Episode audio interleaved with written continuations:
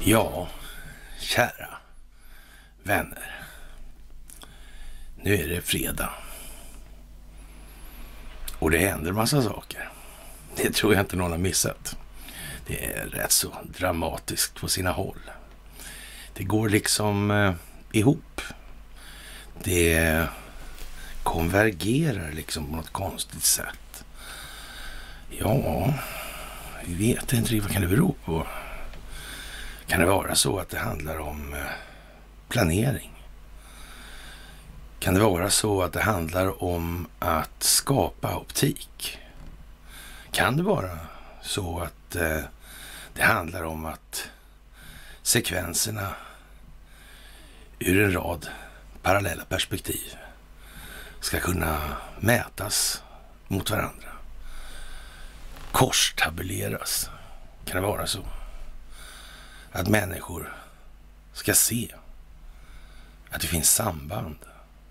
Det finns krafter som har verkat utan att synas under väldigt, väldigt lång tid.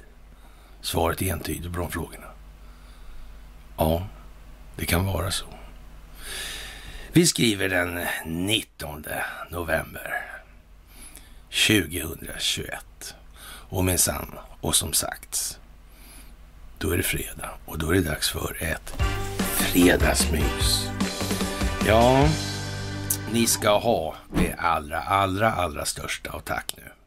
För att ni hänger på och biter i och biter er fast. Och ni märker ju själva vilken effekt det har nu. Det är liksom inte mycket kvar att diskutera om hur det blir. Och eh, vi ska spela vår roll i det här. Var så säkra. Så det största av tack för att ni hjälper till med det här. Ett stort tack för gåvor på Swish och Patreon. Tack för att ni fördjupar er på karlnorberg.se. Tack för att ni följer Telegramtjänsten. Ja, det går ju inte att eh, göra det här hur snabbt som helst. Och som vi har sagt tidigare, det här måste ske koordinerat globalt för att inte den djupa staten ska slippa undan.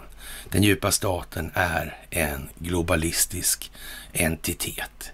Det består av globala företag som styr väldigt mycket och stora delar av olika länder idag. Och vi sitter ju i en sån position att vi faktiskt kan se det här. Det går inte att eh, avslöja för mycket om till exempel de nationella trauman som vi har här i landet.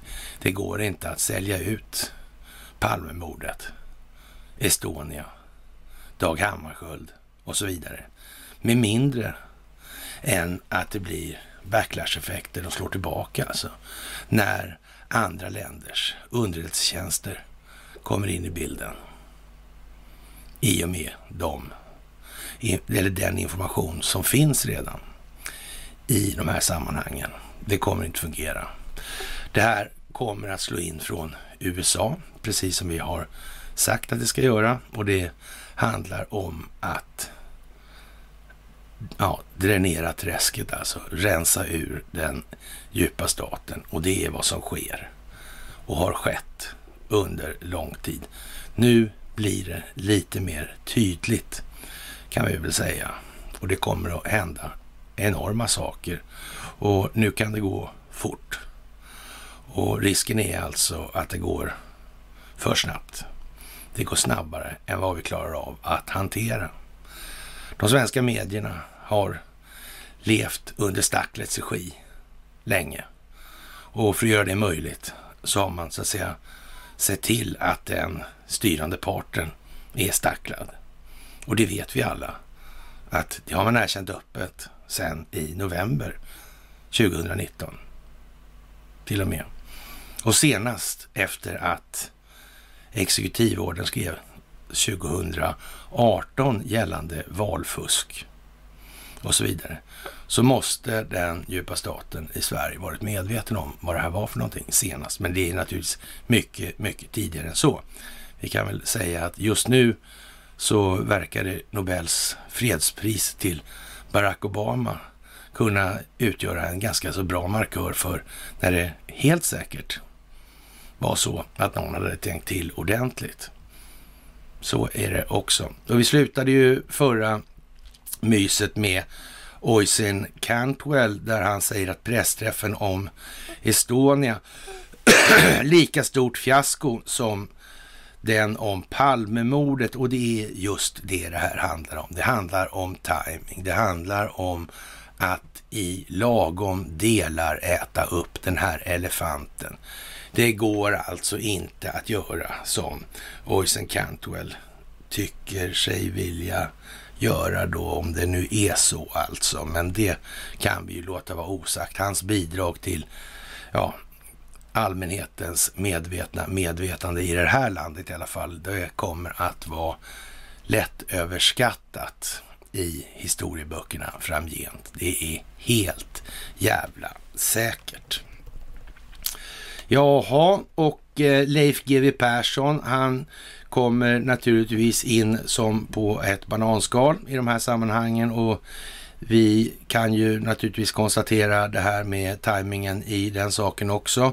Och det är ju som sagt när han sitter och nojsar med Steffo Törnqvist, då är det ju, ja, då är det folkbildning på anmärkningsvärd nivå. Så kan man ju säga. Så kan man ju säga. Och eh, ja, det går som sagt, det går slag i slag just nu det här. Ja, FHM, alltså Folkhälsomyndigheten, backar alltså med alla med symptom ska testas igen och det kan vi ju säga är lite anmärkningsvärt. De här senaste tre sakerna har vi tagit upp då redan, men vi tar upp dem igen för nu ska vi se hur det här verkligen går i varandra kronologiskt hela tiden. Nu kommer vi kunna följa det här mycket, mycket mer tydligt än vad det varit möjligt att göra tidigare. Det spelar oss rakt i händerna alltihop. Som vore det på något vis så att vi har förstått vad det här ska landa i för någonting förr eller senare. Och vi har ju en tendens att tycka att det är väldigt mycket senare och lite för lite förr. Va? Och så vill vi skynda lite och göra lite som det här är enkelt. Kolla här nu, vi berättar om Ivar Kryger så är vi hemma med halmen liksom. Men nej, det är väl inte riktigt så det får gå till här. Utan det blir så att säga, man bedömer att det gör för stor åverkan på den övergripande planläggningen i det fallet och då kommer man få varningar och annat och ibland måste man hålla näbben stängd och då får man lite vila på bänken sådär. Ja, men som sagt, nu är det jul igen och det riskerar väl att bli några varv runt granen den här gången, va? Skulle man kunna säga. Jodå, det. det kan man säga. Jaha, men eh, avslöja då, det är ju lite sådana här Säpo-fasoner hit och dit och det tycks vara kopplat så det räcker och blir över till KSI. Det poängterar man noga i alla sådana här sammanhang och eh, då är vi ju inne på Leif GW, vi är inne på Stig Engström, vi är inne, inne på Thulehuset, Skandiahuset och så vidare. Vi är inne på Stay Behind och då är vi inne på Stella Polaris och då är vi inne på svensk underrättelsetjänst och då är vi inne på Hörningsholm och då är vi inne på, ja, vad ska vi säga, någon gammal general som var med på Solskensolympiaden 1912 som hette George Patton till exempel. Och sen håller det på så här va. Och där finns allihopa, Helmut Ternberg och det här persongalleriet som vi har räknat upp så många gånger nu. Och för de som fortfarande inte har liksom hajat det här att vi har redan berättat allting egentligen. Det har alltid bara varit att lägga ihop det här. Och nu börjar det bli tydligt, men se gärna de här föreläsningarna ytterligare en gång och rekommendera era vänner och bekanta att titta på det här också. Det är rätt sinnrikt konstruerat faktiskt på det viset. Det här kommer att bilda ett litet tjusigt pussel, inte så jävla litet heller för den delen. Och eh, ja, jag tror de flesta börjar faktiskt kunna se att fan också, det blir så där. Ja, det blir så där. Så är det mellan varven här i världen. Ja, och eh, då har vi naturligtvis det här med vår käre Rultqvist och hans idéer. Och det är numera inte bara svavelsyredrypande alltså när det kommer till det här och det tog vi upp förra gången också, men nu svarade ju som sagt ryska ambassaden på det här. Och de har alltså noterat att Sveriges försvarsminister Peter Hultqvist intervju åt Sveriges Radio den 16 november i år i vilken han förklarade om att Sverige är redo att skicka över svenska styrkor till EUs ännu inte skapade militära utbildningsinsats i Ukraina vill då den ryska ambassaden påminna herr Hultqvist om att han inte är den första militära ledaren i Sverige som försöker skrämma Ryssland med makten av sin hjältemodiga armé genom att planera att skicka militärer till Ukraina. Det sista världsberömda svenska försöket av detta slag förresten ägde rum vid Poltava, inte så långt ifrån Kiev år 1709 och där ska väl vi så att säga dra klorna lite ur den här krigarkungen. Det är ju naturligtvis, det var ju rätt så mycket skadestånd efter det här vill jag minnas, var det inte det? Jo, det tror jag. Mm, det var liksom sådana grejer. Det var långt fram också varför betala de där skadestånden. Och vem var det som tjänade på själva de här manövrarna? Det var väl någon som lånade ut stålarna till de här irrfärderna, var det inte det? Vems ärenden var det där egentligen? I så mått då. Mm. Ja, hemma var han ju inte särskilt ofta, va? Eller fattar vi något fel här? Och de här infiltrationshistorierna med kulmen och kalabaliken i Bender och de här grejerna. Vad var det för någonting då? Vad var det för något modus operandi? Jag har sett det förut alltså. Ja. Mm. Det här är gammalt det där förresten. Åka runt sådär och, och infiltrera och korrumpera och sprida ränker och konspirera. Kan vara gammal metod. Kanske var några skäggiga typer med hjälm med horn på, eller säga. Som hade hållit på så innan. Vem vet? Och eh, det kommer vi naturligtvis få se eftersom vi kan alla läsa ungefär på vilka breddgrader inom vilka teman som vi hela tiden blir matade med information från de ägardirektivstyrda opinionsbildningen. De vet, de vet vad som ska komma alltså. Men de vill ju inte sådär. De vill inte det. Men nu är vi ju framme vid den punkten i det här då, man säger så här, spelet där så att säga man kommer att mätta sönder allt vad de ägardirektivstyrda opinionsbildningsmedierna är. Det kommer inte bli någonting kvar trovärdighetsmässigt i det här. Whatsoever. Och för att göra det här extra tydligt så parallellt så kommer de här riktigt, riktigt ja, klara over the top signalerna nu alltså. Det är i princip tusen spänn nu alltså. I vårt liter-exempel som vi har kört då. Som vi var överlägset först med på den här planeten. Det var ju trevligt att konstatera. Vi såg det aldrig komma.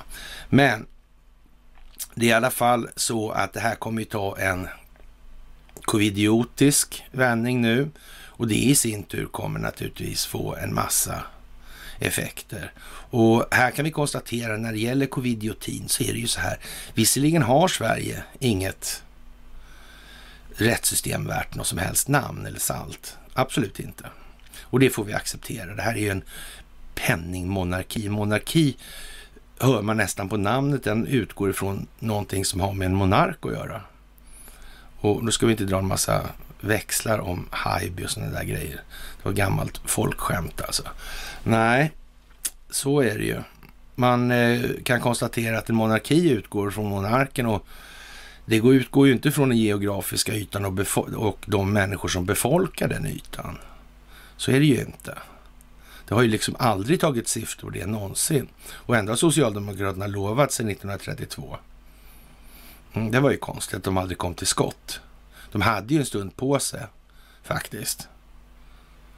En ganska lång stund skulle man kunna säga. Men de hann inte. Nej. Och de här Saltsjöbadsavtalen och relationerna till Investor och hej och hå.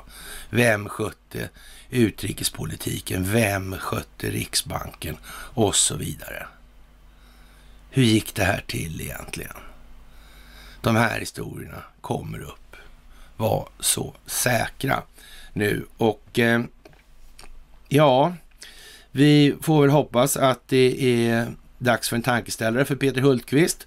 Och eh, i att istället då med ogenomtänkta ukrainska insatser i första hand få igång dialog istället då kanske. Och eh, i likhet med grannlandet Finland skriver den ryska ambassaden. Och jag vet inte eh, om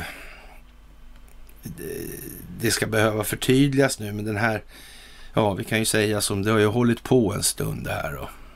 och en del verkar ju ha fått en, så att säga, fenotypisk skada i sin genetik, genetik i de här sammanhangen och har gjort det här till något livsmål då, att man ska ställa till gräl med Ryssland och det ska jävlas med Ryssland i alla möjliga och omöjliga sammanhang.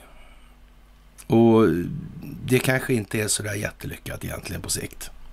Faktiskt. Men det är ju så att i det här klimatet som vi befinner oss i, det här landet, alltså det socialpsykologiska klimatet, så har man ju så sagt också ägnas sig åt en hel del hjärntvätt. Så jag vet inte hur mycket det färgar av sig i de här sammanhangen. Nu är det inte så, så att man på något vis kan misstänka de här ja, globala intressena eller geopolitiska globala intressena för att vara särskilt altruistiska. Det får man nog vara försiktig med helt enkelt. Och, och möjligtvis är, sätter det sin prägel på de här individerna också. Men nu är det som det är. Och nu kommer det att hända en massa saker. Och just nu ikväll så blir det solförmörkelse. Det är bra att komma ihåg. Ja, trafikstockningen i Los Angeles hamn den lättar. Och som alla har förstått, det här handlar inte om inflation. Amerikanerna är tvungna att köra det, för det går för segt med monetärmekaniken där. De måste fortfarande hålla fast i de här delarna. Fast de å andra sidan redan säger att det här man, ja, om man skapar en dollar så kostar den lika förbannad räntan och då måste det till en ytterligare skuldsättning för att skapa de pengar som krävs för det. Och det här blir ju i en allt mer växande takt och hastighet med tiden då. Och de här, ja, vad ska vi säga, trafikstockningarna i Los Angeles hamn, det är ju så här leveranskedjestörningar. Och då har man då gömt en massa saker i det här då, då som man försöker göra det här optiskt trovärdigt, alltså göra, sminka grisen så att det ser ut som en leopard. Och det är lika förbannat ett jävla svin det där. Och inte alls någon leopard eller något annat så. Prishöjningar är prishöjningar. Och om man har då som i Sverige då en energiskatt och så vidare, skatt på energiskatten och det här, det är ju liksom inte, eh, kom igen nu, det är inte den, det är beslut, politiska beslut som skapar prishöjningen. Så är det. Inte någon form av överutbud på valutamarknaden. Nej, så. Ja, ja. Igår så skulle då Vitryssland stänga av elen till Ukraina och det vet vi inte hur det har blivit med, men det är ju klart att nu börjar det ju dra ihop sig. Och det får ju naturligtvis effekter på direkten. Ja, och därför ser vi också idag att det händer massor med saker som vi återkommer till nu här. Och det sitter liksom ihop det här. Ett sånt drag, det är ju någonting som vi kan säga så här, det blir inte roligare i Ukraina vid det läget. Och att man alldeles innan då har signalerat då att nej, men nu ska vi skicka trupp där då. då. Dit ska Hultqvist göra. Mm. Och, och, det är ju klart att Ryssland svarar ju direkt med det liksom att era små grälsjuka jävlar uppför er ordentligt. Annars berättar vi en massa saker om er. Och det här med att de har viktiga saker att prata med herr Hultqvist om. Många saker alltså. Det finns ju naturligtvis en innebörd liggande bakom det här uttrycket. Så är det ju. Och vi kan bara enkelt säga att till exempel handlingarna gällande Raoul Wallenberg som Josef Salin sa att han skulle använda för att idka utpressning mot de personer som hade samarbetat med nazisterna sedan långt före 1938. Det borde ju faktiskt få en rätt så sovande svenska kvickna till lite grann. Men jag vet, vi ska dansa juldan, eller julgransdanser så det räcker och blir över i år. Det är uppenbart alltså. Och Eh, november den 18 alltså. Och eh, det är klart att nu är det ju lite tråkigt i Ukraina och i den meningen har vi ju sagt så här att det här slår in via det politiska systemet och utvecklingsförloppet i USA. Men när det gäller renodlat då så håller vi nog en, fortfarande en, en liten tumme på att Ukraina är ett hett tips alltså. Det finns mycket där. Det finns mycket om, eller om Hillary Clinton och Victoria Nuland och Robert Kagan och och Brookings och så vidare och Carl Bildt och så vidare och så vidare och så vidare. Det är på många täter det här så att säga. Samtidigt så måste man veta då eller tänka på att det här har ju varit planerat oerhört länge. Givetvis. Oerhört länge. Och det i sin tur innebär ju alltså att om det någonstans blir en misstiming i det här, ja då är inte det så bra. Det här måste vara enormt långt tillbaka som det här har grundats. Själva färdriktningen. Det måste ha räknats på omfall i en helt obegriplig omfattning. Mer än vad människa klarar av att göra i det här. Och vad den här artificiella intelligensen har lärt sig för någonting med sina preferenskartor som den gör på människor efter kartläggningen då. Ja, det är vad det är nu helt enkelt. Och eh, sen kan man ju hävda att man tror på astrologin eller man tror på tarotkort och sådana här grejer. Men vi ska se att, så att säga, de generella eller allmängiltiga begreppen i de här, ja, så att säga, lite mer obskyra analysverktygen då, de kommer i alla fall att landa där den här kvantdatorn landar. Så i bästa fall alltså. Nu är det ju många på alternativsidan som börjar inse att de sitter ju lite skrynkligt till då. Och eh, ja, tycker att det nu gäller att rädda ansiktet främst där. Och det, det säger ju någonting om när man väljer så istället för att bara, ja, jag hade fel, gör om, gör rätt. Så här verkar det vara. Mm. Ja, men just Ukraina är ju som sagt vad det är och i perspektiv, ur perspektivet när det gäller Vitryssland så är det väl förmodligen så också att det har ju varit ett, ja, ett nav då, eller en nådpunkt kan vi säga för, eller kalla det för, när det gäller då ja, underrättelsetjänstverksamheten i de gamla Sovjetstaterna där då. då. Och det är ju lite sådär anmärkningsvärt. För Lukasjenko har ju faktiskt haft Ericsson där i flera evigheter och människorättsorganisationer har i alla fall pliktskyldigast då försökt ja, anklaga då Ericsson för att hålla på med den typen av verksamhet som de håller på med överallt. Då. Och det kan man ju kanske misstänka i alla fall innebär att eh, det finns ju en hel del människor där nere som faktiskt vet om hur det här har gått till och förstått vilka som gör vad. Och de hör vi inte ett ljud av. Varför inte? Mm. Varför inte? Därför det är inte läge. Det är inte läge. Det här är bara läge att göra om man kan vara säker på att få ett långsiktigt genombrott över hela linjen. Så är det. Det gäller likväl för dem som för andra. Det går inte med alla de här länderna som har haft olika statskupper och hej och och demokrati och fredsutveckling. Det går inte för dem att säga för mycket heller för snabbt nu. För blir de inte av med den djupa staten i Washington, då Då har man en arg tiger i sängkammaren istället. Mm, det vill man inte ha. Det vill man undvika. Även om det är en svensk tiger. Tystlåten typ helt enkelt.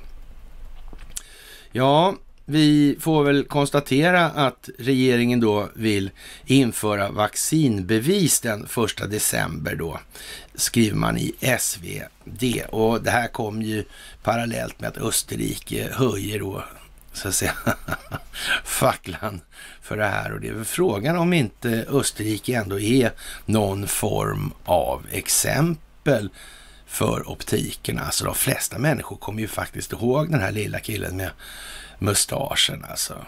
Han var ju österrikare. Och de, eh, ett gäng då fick jag gula stjärnor på jackorna då, eller kapporna. Ah. Mm. och, och de Nürnberglagarna som kom där 35-36 där. Ja, grundade pariseringsprocessen då som började då 33. Som grundades i sin tur på det här rasideologiska instrumentet som författades av en Ernst Rudin då, mm, som var en stor anhängare av Rasbiologiska institutet i Uppsala som skapades 1921 då. Och det här är ju lite speciellt. Det får man ju säga. Det kokar ju ner och det kommer alla se och det kommer alla kunna göra snart. Så är det också. När de börjar se vad det här, ja, det här ymnighetshornet, cornucopia, ja. Ja. Fast den här ymnigheten, det är ju kanske inte så mycket lycka och välstånd det har handlat om i den svenska historien som vi kanske gärna vill tro att det har varit. Nej, det är inte det. Alltså. Det verkar vara lite annat. Det verkar vara lite annat helt enkelt. Jaha, och som det då, om det då krävs för att fler ska börja anstränga sig lite mer så får vi väl inte bara höja dieseln till eh, ja, 17 000 spänn eller 1000 spänn eller vad det nu blir för någonting. Utan då får vi väl börja, då får väl folk sitta instängda och isolerade också. För säkerhets skull. Till de lär sig att ställer man sig inte upp eller står man inte upp för någonting, då faller man för allt. Då ligger man ju ner. Ja, och då kommer de bara öka trycket på dem. Så mycket till dess att människor väljer att försöka överleva. Om det är så långt det måste gå, så måste det gå så långt. Om det är någon som fortfarande tror att Sverigedemokraterna adresserar den här typen av frågor på ett sätt som gör att den, alltså den del av befolkningen som ska vara medvetet medveten utvecklas i snabb takt eller i någon som helst takt överhuvudtaget. Ja, men nu måste man väl ändå förstå att nej, vad har vi de politiska ställningstagandena i de här frågorna egentligen? Den här skuldmättade ekonomin, är det någonting som... Är, är den liksom eh, riktningsrelaterad här på något vis? Det ena är det ena och det som spelar det någon roll för det valutafinansiella systemet skuldmättat om det är en typ av politik eller en annan politik?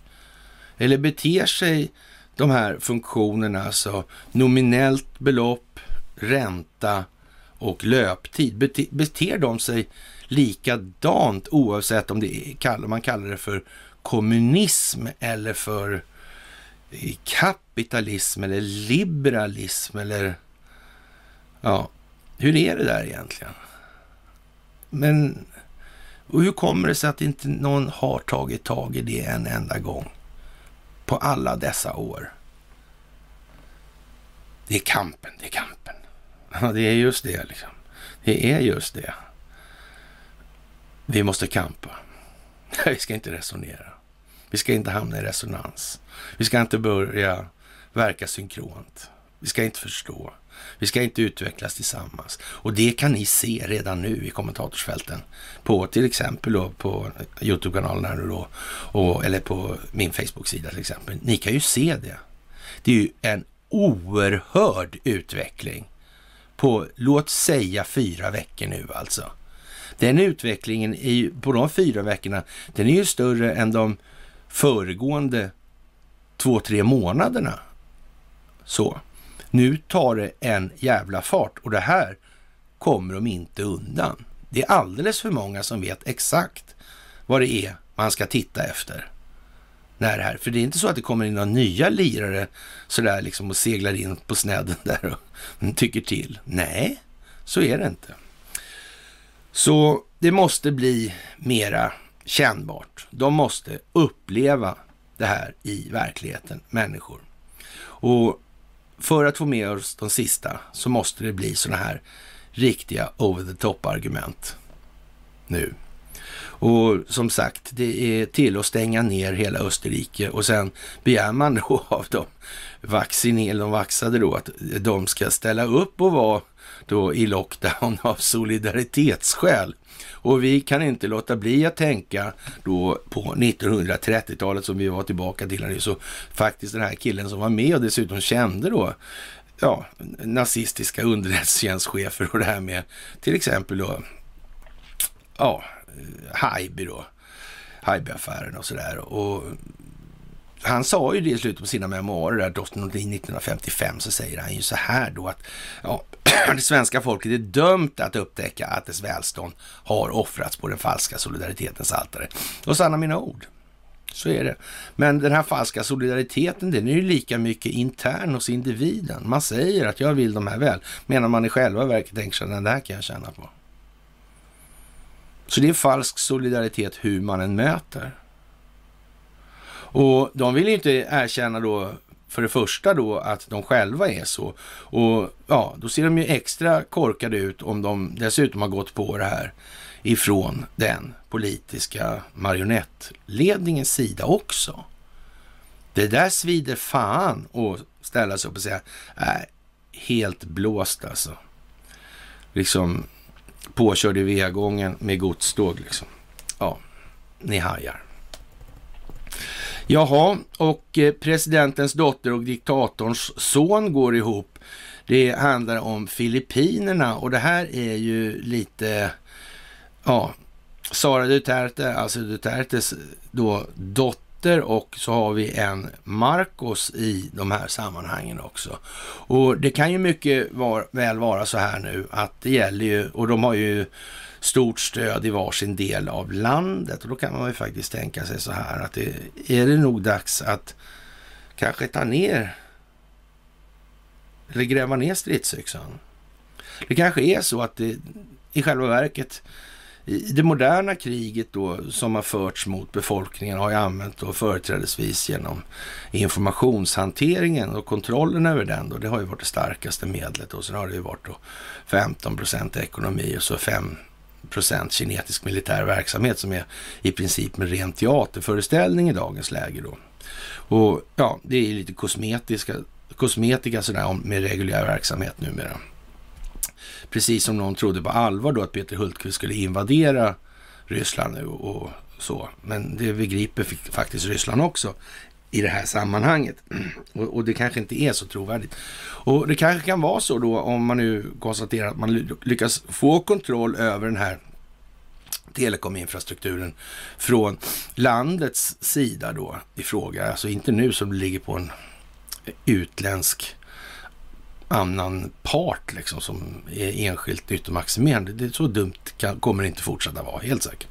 Ja, men då kan man ju tänka sig att de har klurat ut då att det kommer ju krävas någonstans här att vi diskutera, diskuterar, resonerar, når resonans, når någon form av ja, synkronicitet i det här och så får vi till och med eh, massa sådana här olika synergieffekter i det här i de sammanhangen. Mm. Det kanske är vägen framåt, vem vet? Det kan ju vara så i alla fall. Vi ska inte utesluta det helt ännu. Alltså, vi får vänta till ja, ja, Arne Weise och så, men ja, ungefär. Schamanen han döms för stormningen av Kapitolium och det kan man ju säga är lite eh, speciellt alltså. Och namnet den här, The Canon Shaman, syftar på konspirationsteorin kanon som, ja, kanon. Och jag, jag fattar, ja, jag fattar visst det här, men vad ska vi säga? Det är ju lite löjligt det här med Q och det är lite löjligt med Anon då, så blev det kanon. Det, det är ju som, det där känns ju som att, aha, men, de menar att de inte förstod hur det var liksom. Ja, argumentet kan ju vara då att nej, men det är liksom för att förlöjliga allihopa och sådär på en gång drar de. Ja, men ja, jag vet inte ja. Det känns som att det har varit i säck innan kommit på sig det också. Och det måste finnas en oerhörd mängd med människor som är införstådda med vad som händer, dock inte på detaljnivå såklart. Givetvis inte. Men eh, ja, som påstår då att en djävulsdyrkande, kannibalistisk och pedofilbejakande sekt i hemlighet motarbetar president Donald Trump. Inte den förre dock. Fast det var SVT. I september erkände den här filuren då, eller vad man ska kalla han för, figuren kanske, eh, han att han har gjort sig skyldig till att störa ett officiellt förfarande när han deltog i stormningen. Han åtalades för sex punkter som inkluderade civil oordning, våldsamt inträde och oordnat uppförande. Och eh, ja, brott mot allmänna ordningsstadgan motsvarande då. Brottet hade kunnat ge upp till 20 års fängelse, men åklagare yrkade alltså ett betydligt lägre straff. Och vad ska man säga, som alltid i de här sammanhangen, och vi har ju beskrivit här liksom att två killar kommer på att nu ska vi bekämpa sionismen sådär. Och så, så stämmer de möte ute i mörka läskiga skogen bakom stora stenen där. Och när de börjar så, nu måste vi kämpa mot det här, för det där är en kapad politisk grej liksom. Det är fan, och, och de som kallar sig för eh, judar, de måste ju fan åtminstone ha rätt till sin religion utan att bli politiserade av ett gäng som bara tänker på en massa annat. Va? Och, och den där Herzl verkar ju inte vara att lita på. Han finansieras ju av Cecil Rhodes liksom. Och det, där, redan där vet man, nej, nej, nej, nej, nej, nej, nej, nej. Och, och, och sen har vi då Palme och kommunismen och allt det här då som är de här grejerna också. Det, är, nej, det där måste man dra hem lite på helt enkelt. Och, ja, vad ska vi säga om det här egentligen? De eh, måste ju ha när vi sitter ute i skogen och ska ha den här lilla gruppen som ska motarbeta, eller vad vi nu ska eh, motarbeta humanismen, whatever alltså. N någonting. Eller falska miljörörelsen, eh, klimatrörelsen. Ja, så. Då kommer det ju hoppa upp en gubbe bakom stenen. En tredje gubbe kommer det. Jag vill också vara med. Ja. Senast då alltså. Det är bara så. Så kan man ju vända på det här och säga så här, men hur stor är chansen då att givet då att det faktiskt finns en organiserad verksamhet som motarbetar den djupa staten. Hur stor är chansen då att de inte begriper sig på den typen av MO, alltså, alltså modus operandi? Att det gäller ju att infiltrera, allra helst starta de här grejerna. Naturligtvis. Hur stor är chansen att de inte har fattat det? när de ska ta sig an den här globala företeelsen? Är det någon som på allvar tror att nej, de tänkte nog inte så? Nej, hur fan tänkte de då? Inte alls menar du? Nej. Nej, så är det naturligtvis inte. Det är inte mycket att be för. De har tänkt på det. Och graden av infiltration och så att säga femtekolonnare inom den djupa staten, den, den är nog tämligen lätt att underskatta, skulle jag påstå, i det här läget. Faktiskt. Och några måste leda, leva under ett ganska press, eller under ganska pressade förhållanden i det här faktiskt. Jaha. Och eh, ja, vi har en massa, massa saker som händer runt om. Och bara att sy ihop egentligen. Och i eh, Norge så skriver man då om Putins mest skrämmande vapen. Och den kan liksom ja, den kan kutta kablar. Ja. ja, den kan i alla fall kapa kablarna då ner på 6000 meters djup med hjälp av en ja, styrd farkost då. Och eh, ja, det där är ju lite speciellt. Men det är också så att de kan koppla på saker i det här. Och, och, och det verkar ju liksom inte vara kopplat. Om man kapar kablarna bara sådär, ja det märker ju alla på en gång då i så fall. Så det är ju ingen mer att snacka om den saken. Och då vill det för fan till att man har kommit på något bra sätt att komma i land då, utan att alla upptäcker vem det är som har ställt till med vad där. Ja, och så vidare. Men det kan man ju lösa säkert, så det, det är inte det. Men, men eh, det är liksom inte den, ungefär som när man tar en, ja, en agent eller vad jag kallar det för. Ja, om man kommer på liksom att han den där, han är ju för fan, fan också. Han spelar dubbelt här liksom. Men då, då är det ju vanligtvis, vi har pratat om det förut då, att då är det ju inte vanligtvis så att man liksom, då mördar vi honom lite lätt sådär.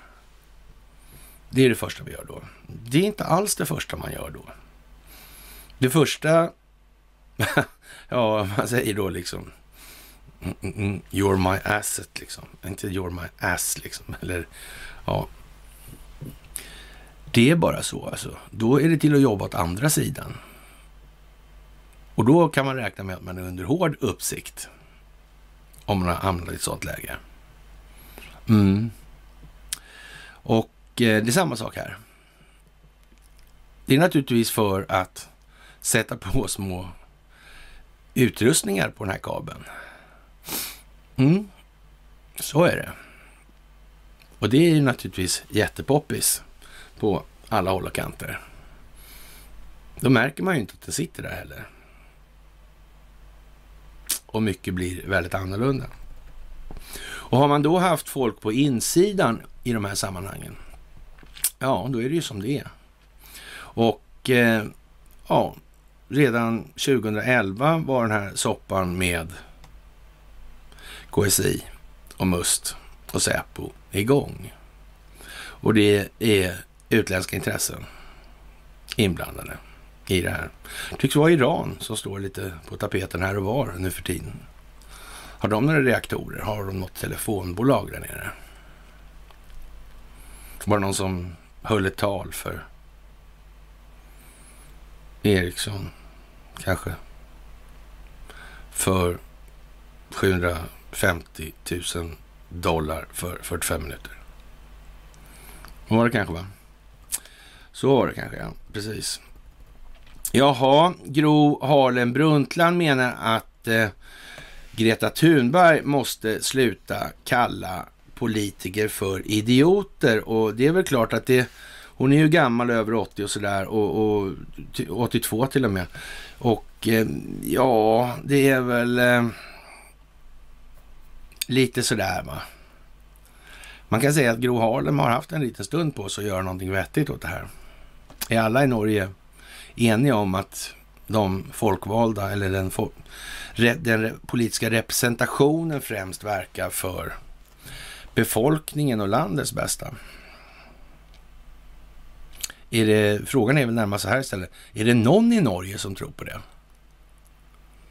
Nej, med avseende på alla friska tillrop som kommer från det landet och strömmar in och gör kraft i det här lätt tigande landet som vi befinner oss i nu. Ja, det verkar inte vara så starkt stöd för Gro Harlem och hennes tankar faktiskt. Och eh, ja, hon är ju klimatkampens mor och på tal om då den här tredje gubben som hoppar upp bakom stenen.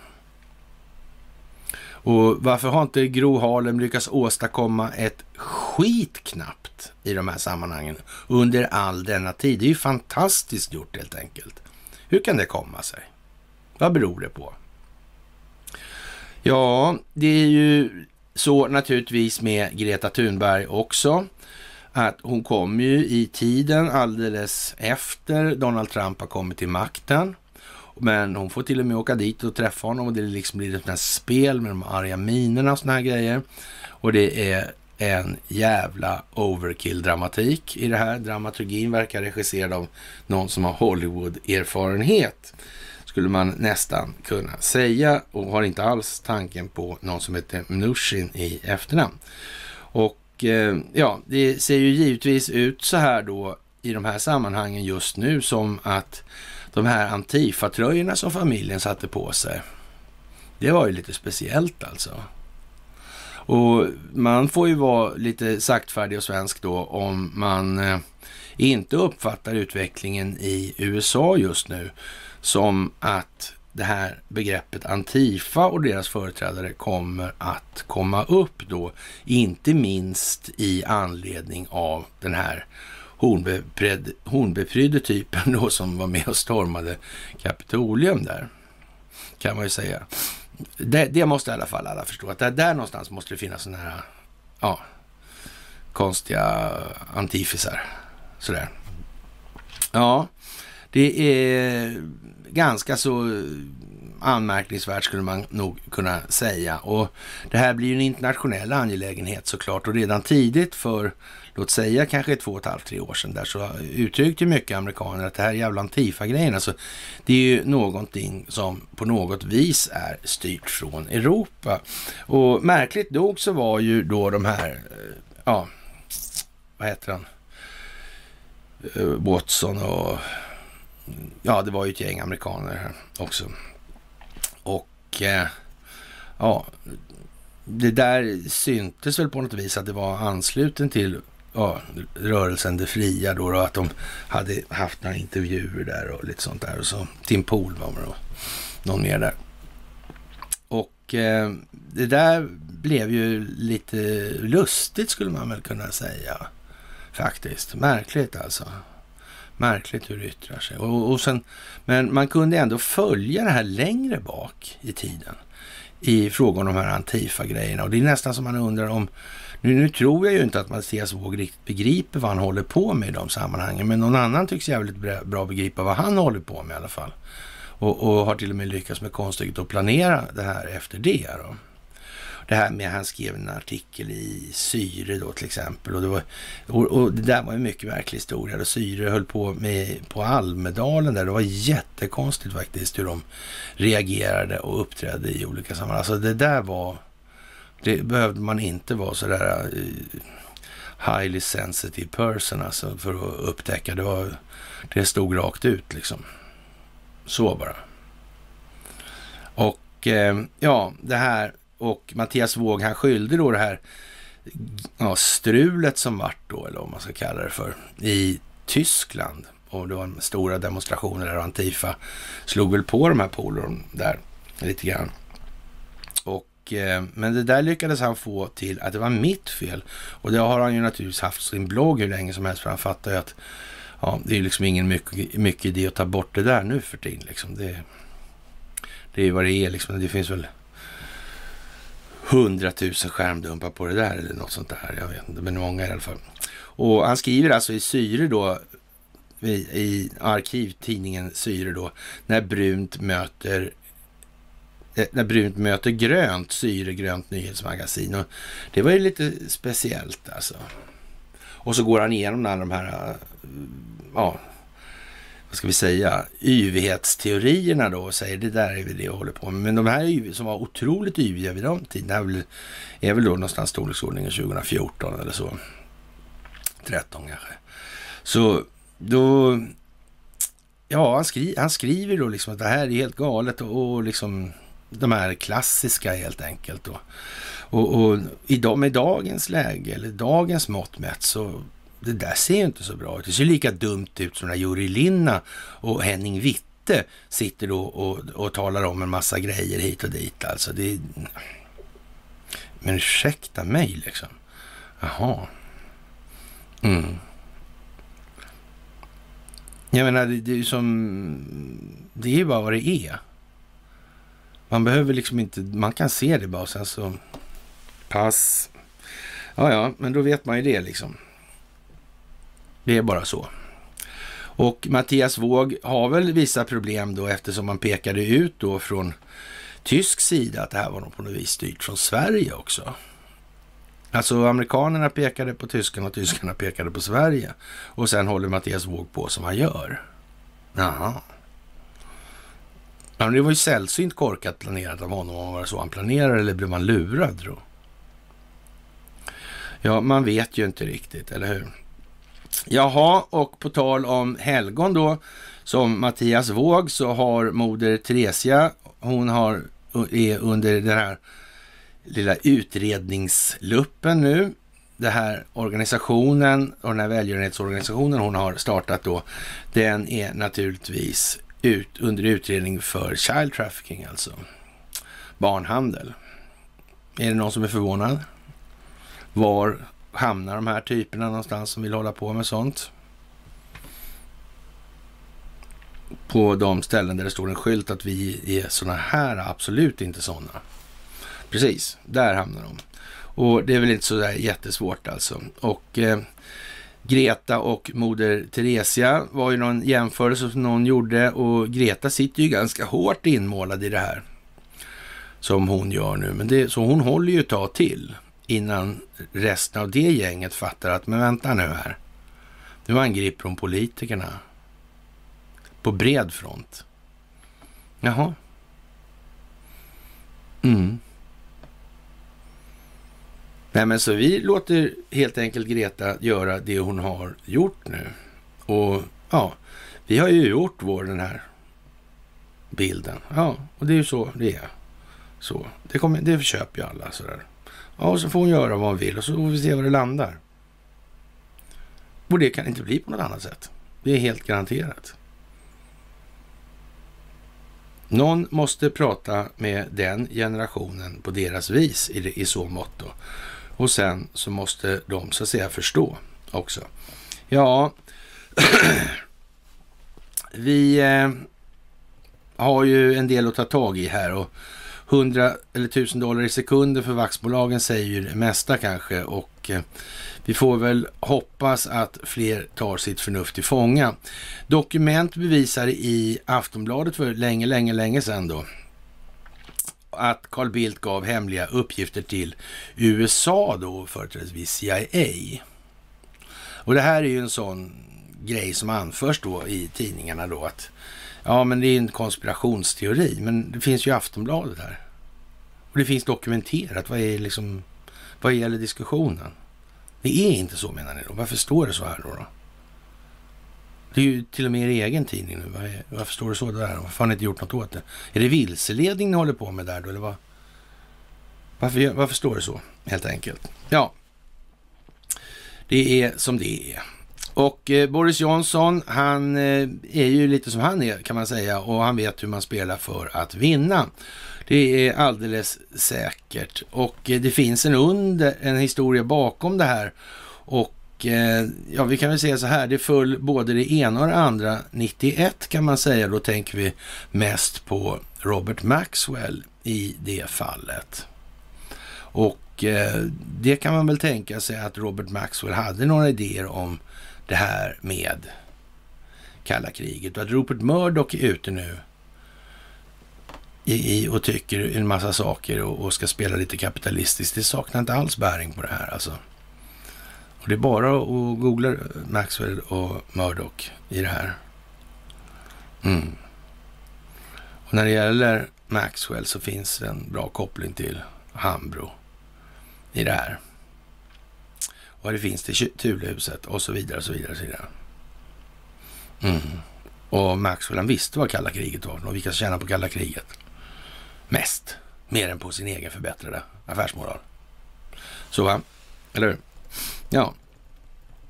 Jaha, regeringen föreslår alltså krav på covidpass vid evenemang. Och det här är ju naturligtvis helt otroligt. Och det är bara rakt av.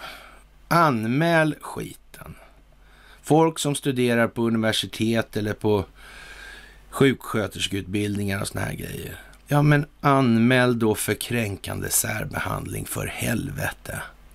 Visserligen är rättssystemet värdelöst alltså, men ja, ett par sådana här om dagen. Men då börjar de lärarna att hålla käften helt enkelt. Då är det inte roligt längre. Det är det faktiskt inte. Och det är bara att ta en, ja, vad ska vi säga, en enkel juridisk handbok egentligen och skriva, lära sig hur man skriver en inlaga sådär.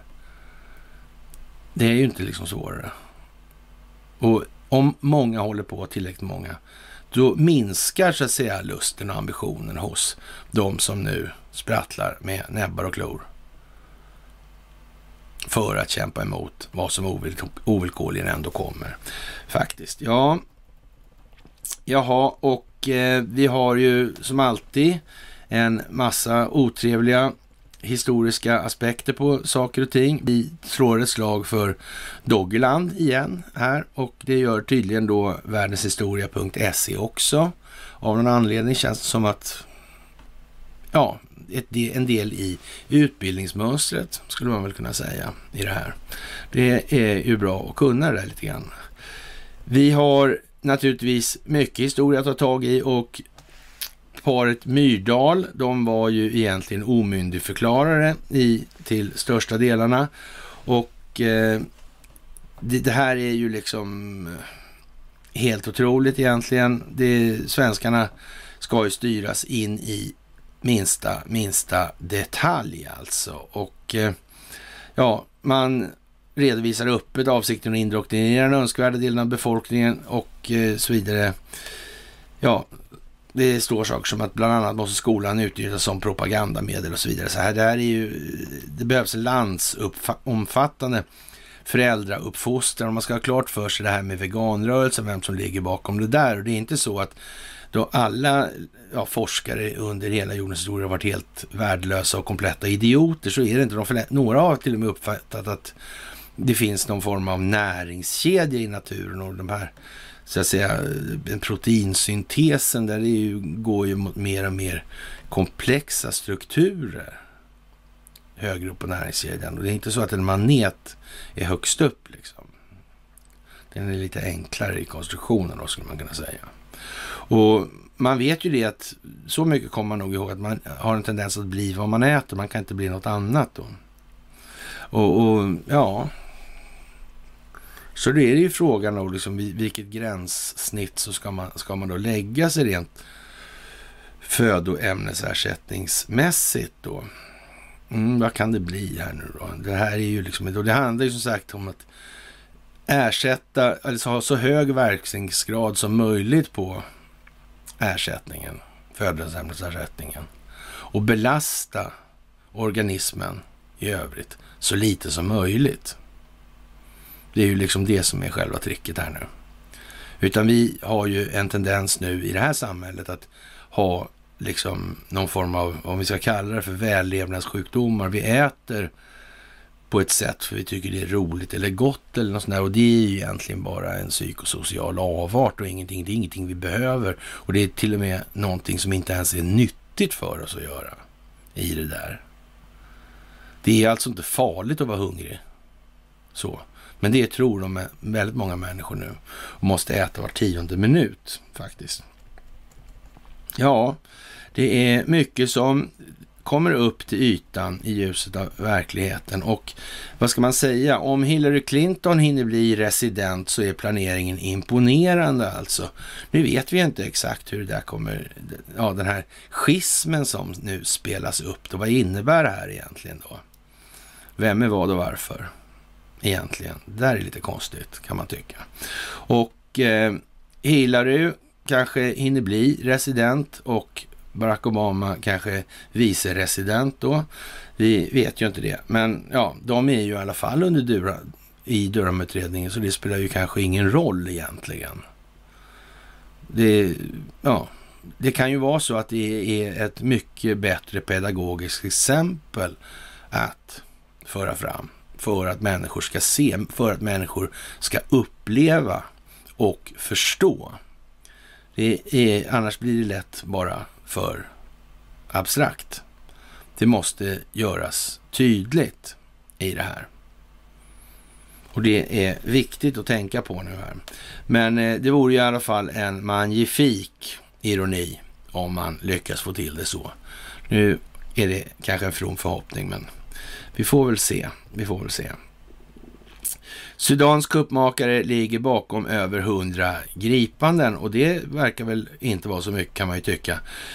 Eh, fler än hundra regeringstjänstemän och politiska ledare i Sudan har hittills gripits av den militärkupp som inleddes i slutet av oktober, rapporterar Al Jazeera.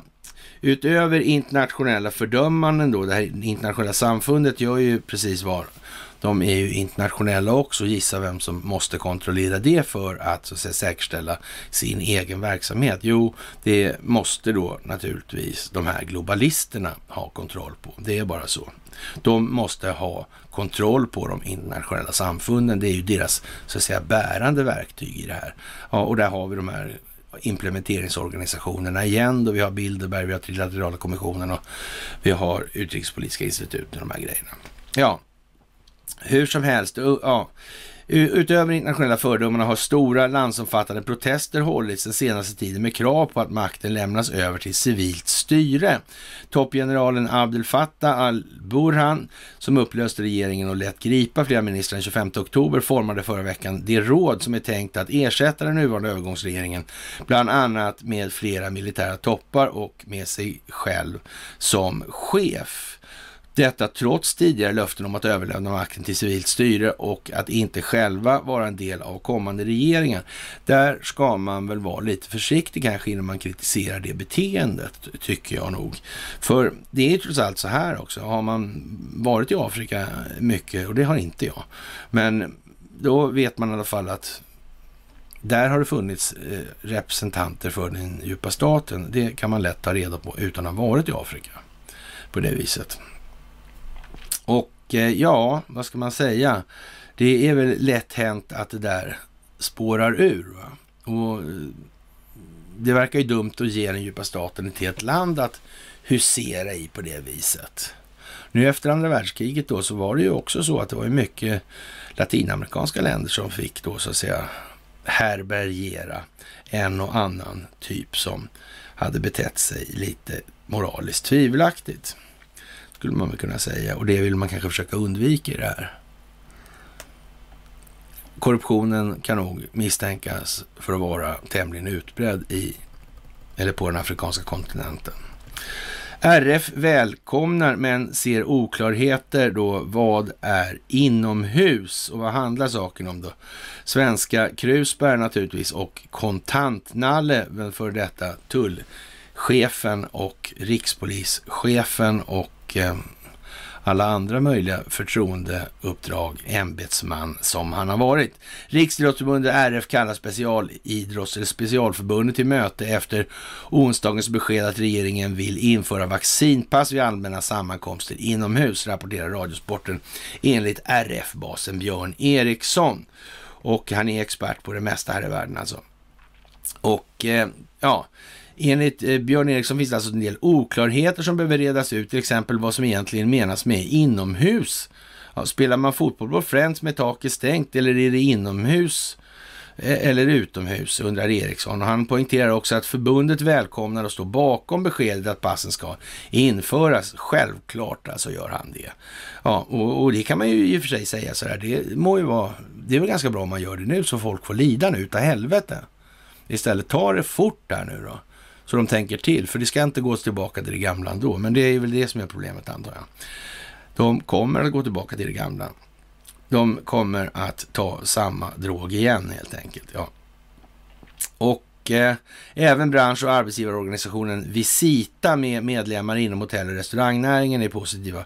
Jag tycker det är bra att man använder covidpassen istället för att vi får svårförståeliga, för svårförståeliga restriktioner och åtgärder som vi inte förstår och heller inte ser någon effekt av, säger Jonas Siljehammar till TT. Och eh, ja, han, på, han är liksom där svenska då, så han påpekar dock att ett, eh, systemet innebär en stor administration och, och efterfrågar eh, statligt stöd med det här då.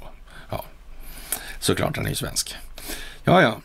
Jaha, och eh, det här med den här kinesiskan och tennisen alltså. Det där är någonting som kommer att bli en historia som lever kvar en bra stund. Och Tennisförbundet är ju naturligtvis vad det är och de hade en jättestor så att säga sponsring eller sponsorskap med Sonny Eriksson under 2005 då. Och det här är ju naturligtvis vad det är då redan där. Och Eh, ja, vad ska vi säga? Det lär ju visa sig vad de har gjort nu då. Och vilka som har gjort vad med vilket syfte i det här. Det kommer ju komma fram också. Och det här är ju bara delar som man lägger upp nu hela tiden. För att kunna köra den här mätnaden sen. Sen kommer det skyfflas på alltså. Så. Samtidigt inte så mycket så det bara rinner utanför. Det är lite av modellen helt enkelt. Jaha, personal inom BUP i Dalarna uppmanades att dölja köer och det är ju närmast häpnadsväckande är det ju naturligtvis inte, men det är institutionaliserad korruption överallt i det här landet och det är ju inget, ja, Flera mottagningar, BUP-mottagningar medger att det finns interna väntelistor, men det tillbakavisas av BUP i Dalarna som uppger att patienterna, patienterna står på väntelistor utifrån bedömd åtgärd och nu ska det göras en utredning för att se om BUP medvetet har agerat för att dölja en kö. Och man kan väl säga så att man kan gå från andra hållet och titta också, för det har ju blivit modernt då senaste, senaste decennierna att även kommunala tjänstemän och sådär faktiskt har bonusar i förhållande till då målet. Och det är ju lönsamheten för den här verksamheten då de bedriver. Men då är ju frågan, är det där särskilt bra ur ett samhällsnyttoperspektiv tro? Kanske till och med helt värdelöst. Helt jävla värdelöst. Direkt förkastligt skulle man kunna säga också. Ja, Biden utreder oljebolag för möjlig olaglig verksamhet och det är ju lite lattjo faktiskt. Och det här handlar om oljepriserna naturligtvis och det, det verkar ju jättekonstigt och det kan potentiellt vara då frågan om olaglig verksamhet då och som är orsaken till de här prisstegringarna så, trots då att råoljan på senare tid har gått ner alltså. Och, och då höjer de här då i, i Sverige. Mm. Hur, hur kommer det här sig egentligen? Men som sagt, det, det, är ju liksom inte, om man ska vara lite mer krassa nu, så det handlar ju inte om det överhuvudtaget. Det handlar om att få folk att vakna. Och då måste de lida, annars kommer de inte att vakna. De kommer bara skita i De skiter i allt. Allt. Om de inte är tvungna. Så är det. De är så jävla egofixerade så det liknar ingenting alls. Ingenting alls. Och låter vi det där hållas för länge så kommer det här så att säga bli ohanterligt. Så är det också. Så vi måste ligga i alltså. För att få med oss människor på vagnen på det här tåget alltså. Ja, och eh, det är ju, jag accepterar inte att hårt arbetande amerikaner betalar mer för bensin på grund av konkurrensbegränsningar, skriver han i ett brev till kommissionär Lina Kahn enligt politiker. Och då kan man väl säga så här att Ja, nu är det ju inte ja, konkurrensbegränsningar, jag vet inte. Ja, kartellvis då och sådana här grejer. Men, och OPEC är ju en kartell då, till exempel och så vidare. Och den här kapitalismen som en del svär så mycket för, eller tycker är så bra, så där, den har ju aldrig funnits eftersom pengarna har ju aldrig varit något annat än vad de är i princip också de senaste hundra åren. Nej, och så. Ja, Smittskyddsinstitutet bör återskapas efter kritiken och det är väl lite krusande svenskt det också då. Och efter den hårda kritiken från Coronakommissionen bör Folkhälsomyndigheten läggas ner och ersättas av en nyskapad variant av Smittskyddsinstitutet, skriver docent Ola Stenqvist på DN Debatt.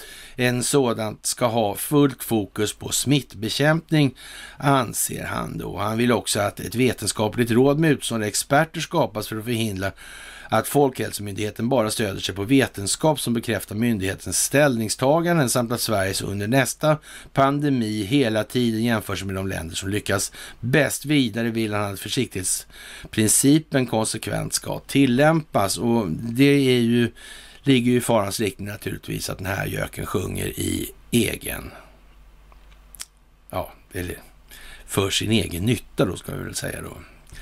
Sjunger sitt eget lov då det där är ju lite, man får vara lite kall med helt enkelt. Vi vet vi vad de här smittorna egentligen har varit då, med hänsyn taget till vad som börjar komma fram nu. Har vi en aning? Vi kanske ska reda ut det först. Det har varit rätt mycket enskilda vinstmaximeringsintressen inblandade i kemi och läkemedelsindustrin under förra århundradet. Rätt så ordentligt. De har gjort rätt fula grejer alltså. Det är allt ifrån IG Farben, Auschwitz, det jag vet inte vad. Hur mycket som helst. Jag tror vi ska ta tag i det där lite först och reda ut vilka grunder det är och se till att vi inte har allt för mycket lik i lasten innan vi går vidare. Det verkar jävligt onödigt faktiskt. Eller? Det tror jag vi kan vara eniga om att så gör vi. Det tror jag är rätt så smart. Jaha, och eh, de här jävla tennisaffärerna, de eh, ökar på där och det kan man ju säga är lite speciellt. Vad handlar det där om då? Egentligen? Handlar det om en honey trap? Kanske? har man försökt slå klorna i den här politikern. Har, är tennisförbundet inblandade? Inte skulle väl, nej det kan de inte vara. Det är ju sådana här gentlemannasporter där. Alltså. Så Gustav V spelar ju det.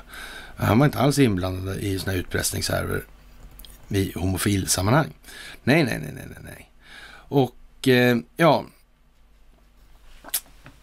Polska myndigheter har gripit omkring 100 migranter som under natten har försökt ta sig över gränsen från Vitryssland.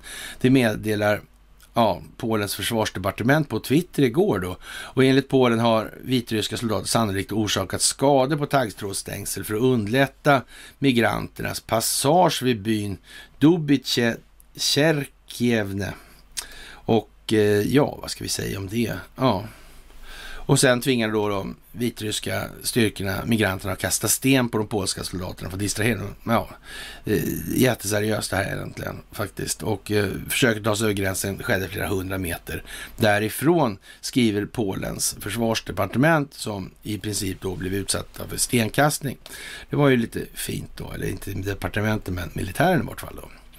Rysslands svar till Hultqvist är ju som sagt vad det är och eh, ja, glöm inte slaget vid Poltava i Expressen.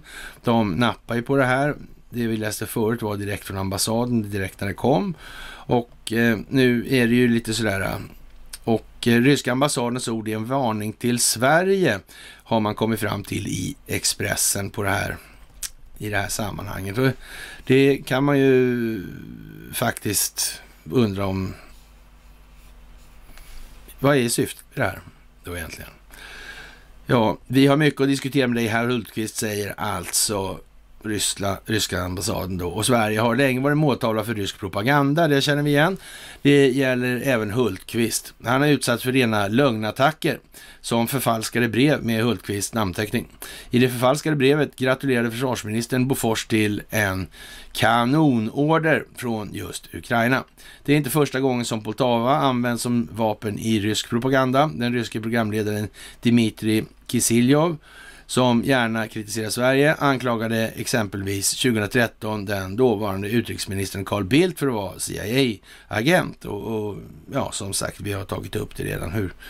Eh, ja, eh, det stod ju i, i Expressen och Aftonbladet att han gav dokument till dem. Det, eh, det var av vilken anledning annars? Ja, han påstod också att Sverige, Litauen och Polen bildat en ny koalition för att ta revansch för nederlaget i Poltava. Och eh, jag vet inte om eh, Baltikum och Polen och de här har haft något med Sverige, Ericsson och ABB och de här grejerna och bankerna kanske också. Någonting med det att göra någon gång överhuvudtaget. Och, och när det gäller Ukraina så var Swedbank där och man kan säga så här att uppfinansieringen av IS och arabiska våren och det här. Det kommer att komma tillbaka helt enkelt. Mm.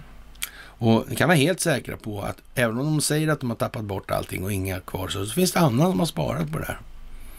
Men det är kanske lite tidigt än så länge, men det kommer. Jaha, Inlägget från den ryska ambassaden lär inte bli sista gången vi påminns om det svenska nederlaget och det kan vi väl i alla fall.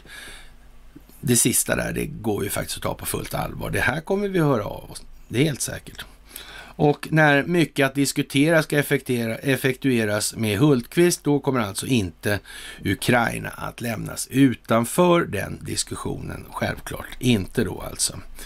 Jaha, och eh, ja, det här var ju jättetrevligt skriver man då och eh, man i då Center for Disease Control då hittar då ja, mystisk eh, ja, mystiska ampuller med smittkoppor i Pennsylvania i en, ett frysrum där.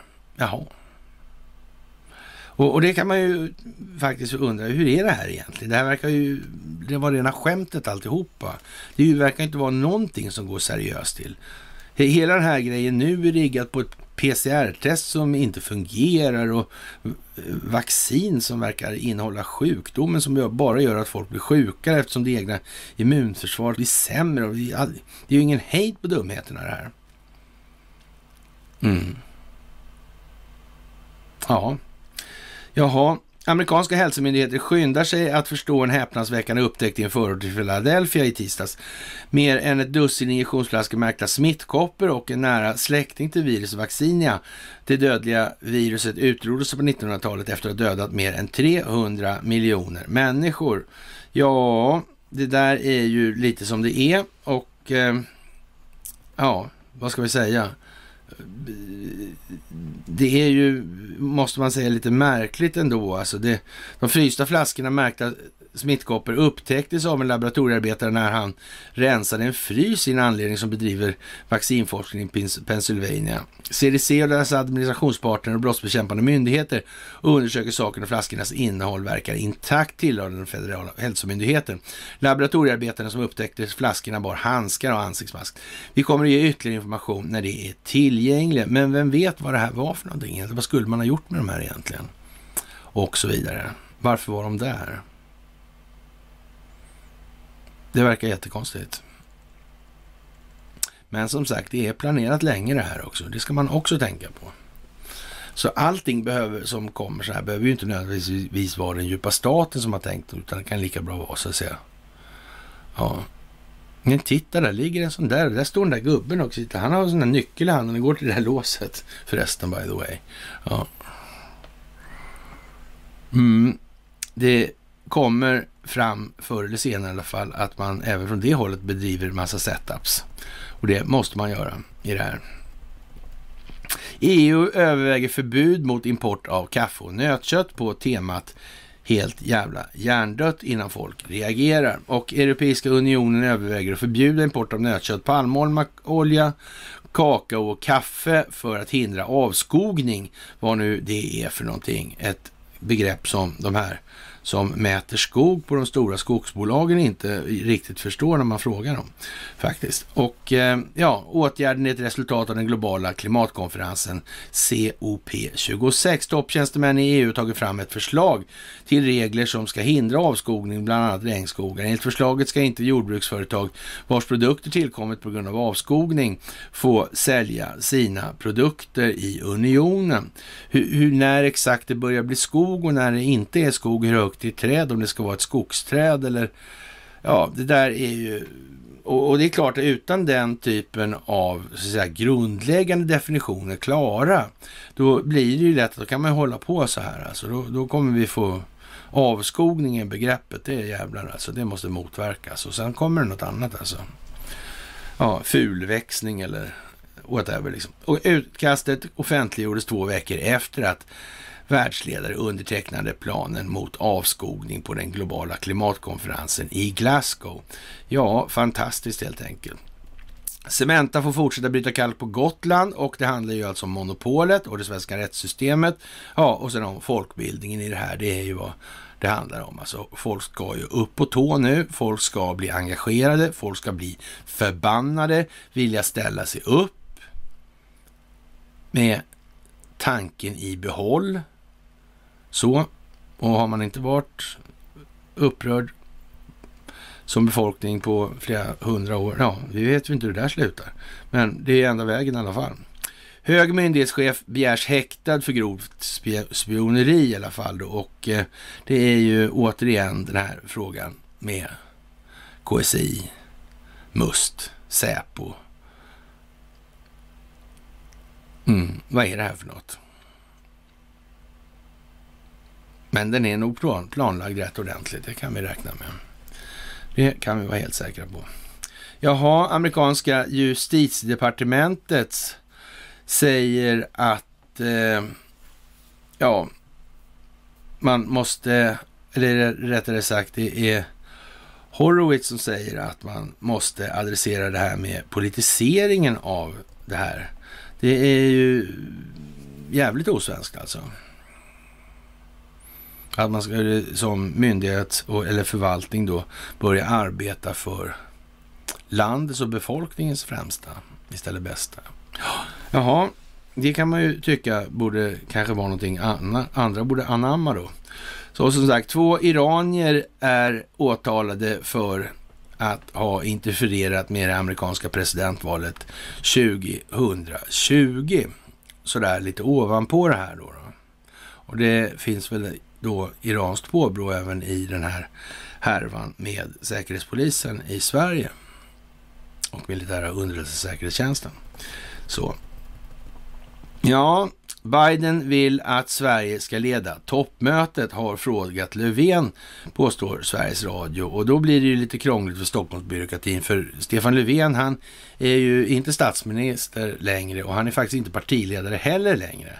Och eh, Joe Biden är ju, som han är lite, eller i alla fall förefaller vara lite så att säga instabil i sina bedömningar. Det är inte alltid klockrent längre Det är meningen att den, den optiken ska föreligga i alla fall. Och eh, ja, jag vet inte. Det där kan ju bli lite knöligt. Vem är det som ska åka dit och varför? Det handlar ju då om ett eh, toppmöte om demokrati alltså. Mm. Inte det Lattjo? Det är många som tycker att det är lite speciellt alltså, faktiskt. Och det är fantastiska kommentarer ni kommer med i det här. Det måste man ju absolut tillstå. Naturvårdsverkets unika tilltag vill återkalla gruvtillstånd. Liknar inget annat det här alltså. Det kom en om järngruvor på en gång också. Bara sådär. Annars har de inte kommit alls. Va? Inte en på tio år ens.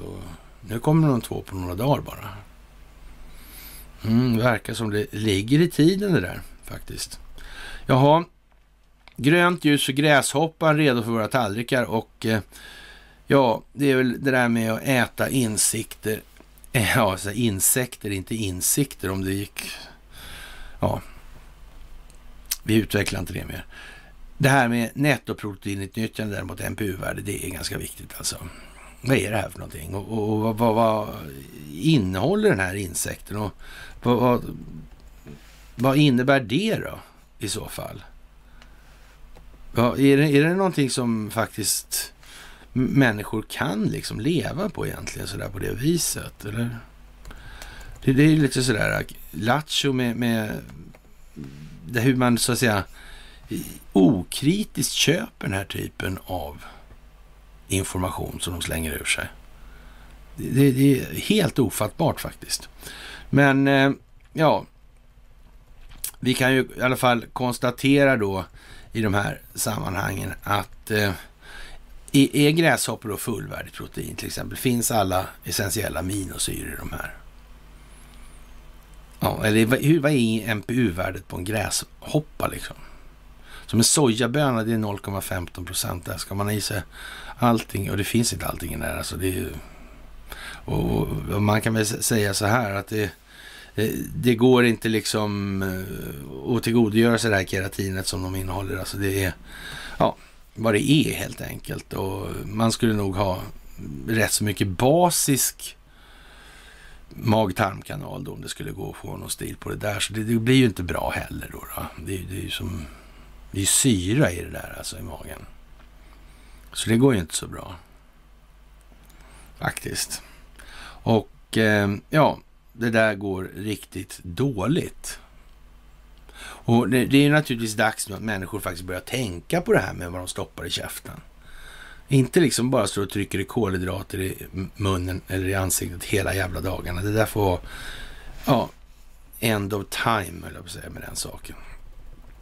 Ja, det är ju en eh, rätt så intensiv säga, diskussion i alla de här trådarna som blir nu och det är ju en jävla klass. Och hur vet man det är, att det är det? Så men, gör så här då, titta på en sån här tråd, som den här med gräshoppor till exempel, eller någon annan. Så ser ni ju liksom att det, ja, det är rätt mycket kommentarer ofta. Och, så där. Men, och titta på, tänk på nivån och så tänker så här, var någonstans ser vi det där annars? Och då ska man ju ha klart för sig att det pågår ju liksom inga diskussioner om huruvida det här systemet är skuldmättat och de här grejerna. Det är ju liksom passerat, det är ju liksom intellektuellt stendött. Det pågår liksom inte längre några diskussioner om det här jävla vaxandet hit och dit heller. Det finns inga sådana längre. Det vet vi, det, bör ju alla liksom förstå att det är intellektuellt dött av det ur det perspektivet att vi vet ju faktiskt inte vad det här innehåller. Det, det går inte att lita på dem på det viset. Och när man då gör som de har gjort då till exempel Pfizer där som har då 76 års hemligstämpel. Vad kan det bero på? Är det för att man vill ha ut den här informationen bland befolkningen på något vis då? Är, det bra det? Eller är det en eh, översignalering som tyder på att nej, men vi har någonting att dölja och därför gör vi så här? Vilket kan det vara liksom? Ja, vi får väl se helt enkelt. Varning för stora elavbrott i Europa och eh, vad ska vi säga? Ja, otillräckligt med naturgas säger man sådär och det gjorde sig gällande direkt igår då naturligtvis då om det var, eh, var vilka det var då, då? Var det södra Stockholm igår och var det Bromma idag eller var det? Eller var det tvärtom? Ja, jag vet inte. Men det är i alla fall så att det är mycket sådana här instabila grejer och det är klart att då finns ju den här vandringssägen då att de, de kommer försöka stänga ner och sen kommer de att försöka införa det här eh, ja, New World Order eller Agenda 2030 eller vad det nu heter för någonting dagen till ära. Men, men verkligheten är ändå att det här handlar ju om ett skuldmättat system. Det här handlar ju om att vi kan, man vill inte då liksom att folks förtroende för banksystemet ska raseras på en sekund till exempel. Det går ju inte, för då kommer de få flyga gatlopp sen alltså. Det, det kommer inte fungera. Och vad, vad, är det man vill åstadkomma då egentligen? Va? Men när det blir sån här... Alltså det är inte så att Donald Trump och det här gänget som har tänkt sig att ta sig an den djupa staten i kombination eller tillsammans med koordinerat med ja, Vladimir Putin, Xi Jinping och Recep Tayyip Erdogan och det här gänget. Då. Det är ju inte så att de inte har fattat det här alltså. Så är det ju inte.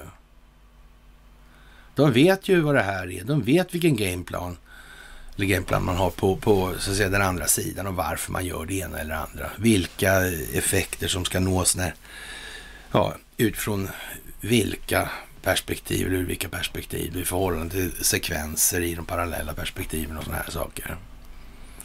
Men en sak som återigen, det här är viktigt alltså, det är mycket lättare att titta runt ett hörn om man tittar på det uppifrån alltså. Det gäller perspektivet. Det gäller att tillräcklig vidd på perspektivet. Uppe ovanifrån så ser man runt hörnet. Det gör man svårligen nerifrån. Ja, sådär. Mm. Jaha, och eh, vad ska vi säga? Det här med eh, bråket i rymden då och man gjorde den här uh, Anti-Satellite Missile Test in Space då och det blev en massa skrot i rymden. Och hur är det här egentligen överhuvudtaget? Vad är vad? Ja, om det där finns uppe nu, då är det ju inte så mycket bevänt med att stänga ner då. då. Och det behöver ju inte, alltså bara det att det finns så är det ju inte dött och stängt och då är det ju meningslöst att stänga det överhuvudtaget. Då är det ändå bara en fråga om tid att det ska komma igenom. Så det spricker lite där på grunden skulle man kunna säga. Och tänk om det här är koordinerat istället då? då? Tänk om det här är koordinerat med Space Force, med Elon Musk och så vidare. Med kineserna. Tänk om det är så. Gjorde inte de också ett där prov? Nyss kineserna. Jo, det gjorde de ja. Ja, ja, ja. Mm. Ja, ja, ja, ja, ja, ja. Jaha, och eh, vad ska man säga? Amerikanerna säger att eh, det här testet då som gjordes, det tvingade astronauterna att ta skydd då. Och jaha, vad ska vi säga? Det, det sägs mycket saker nu här. Så är det ju, helt enkelt. Och eh, ja, det här med korrumperade rättssystem och den här eh, Kyle Rittenhouse-rättegången. Det är ju en helt fantastisk historia måste man säga. Men den är ju naturligtvis otroligt välplanerat. Omfattningen är ju förvånande helt enkelt. Det måste man ju säga. Alltså. Det har ju riggats i flera led. Och man kan säga så här. Man har varit mycket, mycket tidig på bollen i de här sammanhangen. Man får nästan känsla av att det är en oerhörd insats av ja, antiteatrar, eller vad vi ska kalla det för då, då, som ska måla upp vad det här är för någonting, skapa optiken. Det är bara så. Och rättssystemet är naturligtvis helt korrumperat i USA också. Det finns delar som är kvar av bäring och, och funktion då alltså. Men eh, mycket är precis så ruttet som man kan förvänta sig efter så lång tid. Och eh, ja, vi eh, får väl konstatera att för vårt vidkommande i Sverige så har ju vi som sagt någonting i botten som heter monarki. Och, och sen har man då byggt på det här med massa småplankor och gaffatejp och ståltråd och såna här grejer. Och ja, vi kan ju bara konstatera det att vi får nog fundera på det där lite mer helt enkelt. Och därför så säger man ju också från amerikansk sida nu också att det står ju liksom hela västvärldens sätt att leva och allt det här står ju liksom på spel i så mått. Och med det sagt att man inte, ska man väl inte kanske anpassa sig direkt och ta den amerikanska konstitutionen, men fortfarande är det ju som så att det antal individer som befolkar en geografisk yta måste utgöra alltså både den geografiska ytan och befolkningen då, måste utgöra delar i den här konstitutionen, hur man konstituerar det här. Det som utgör grunden för hela det efterföljande rättssystemet i det här. Det är rätt så bra då, faktiskt att tänka på, skulle jag vilja säga. Jaha, och eh, som sagt, Henning Witte och eh, Jari Juri heter han va? Juri Linna heter han. Tror jag. Ja. Det ser ju ut som det ser ut idag. Med de där två i de här sammanhangen. Det, man kan titta på vad de sa och sen så. Ja, ja. Så. Och eh, jag är styrd av jag är under mind control av skalärvågor hävdar de där också i något sammanhang. Ja, och Eh, det är väl eh, lite speciellt kan man säga när riksdagen börjar snacka vaxpass och eh, man har den här talmannen Andreas Norlén då som säger att riksdagen är, riksdagen är en arbetsplats där ingen ska behöva vaccinera sig mot sin vilja. Vi har inga formella möjligheter att ställa sådana krav. Då kanske man ska tänka på det också när det börjar gapa en massa ja, arbetsgivare och sådär i olika sammanhang. Vad är de formella möjligheterna att göra det här egentligen? Ja, men det kan inte vika, alltså, man, man måste lika förbannat stå vid, det må ju vara värdelöst det här rättssystemet. Man måste i alla fall försöka köra det precis som Donald Trump har gjort i de andra sammanhangen när det gäller valfusk och så vidare. Man måste tömma ut möjligheterna innan dess att man agerar på något annat vis. Och då kan man ju kanske, i det läget kan man ju ha miliser och de miliser kanske kan komma, komma i lag med, med alltså samarbeta med federala instanser och sådana här grejer. Det är ju naturligtvis, finns lite olika sätt att se på det där och, och man kanske ska till och med göra så att man har själva ordningen för klart för sig när det gäller den här, så att säga, maktdelningen då, att den lagstiftande, den dömande och verkställande makten faktiskt håller sig lite på sin kant alltså, så att det inte blir en massa glidningar hit och dit alltså.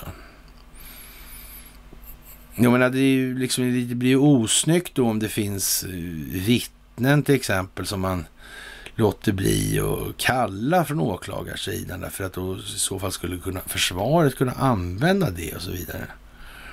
Det är massa som... Alltså, alltså, det, det beror på syftet med allting och där måste man faktiskt...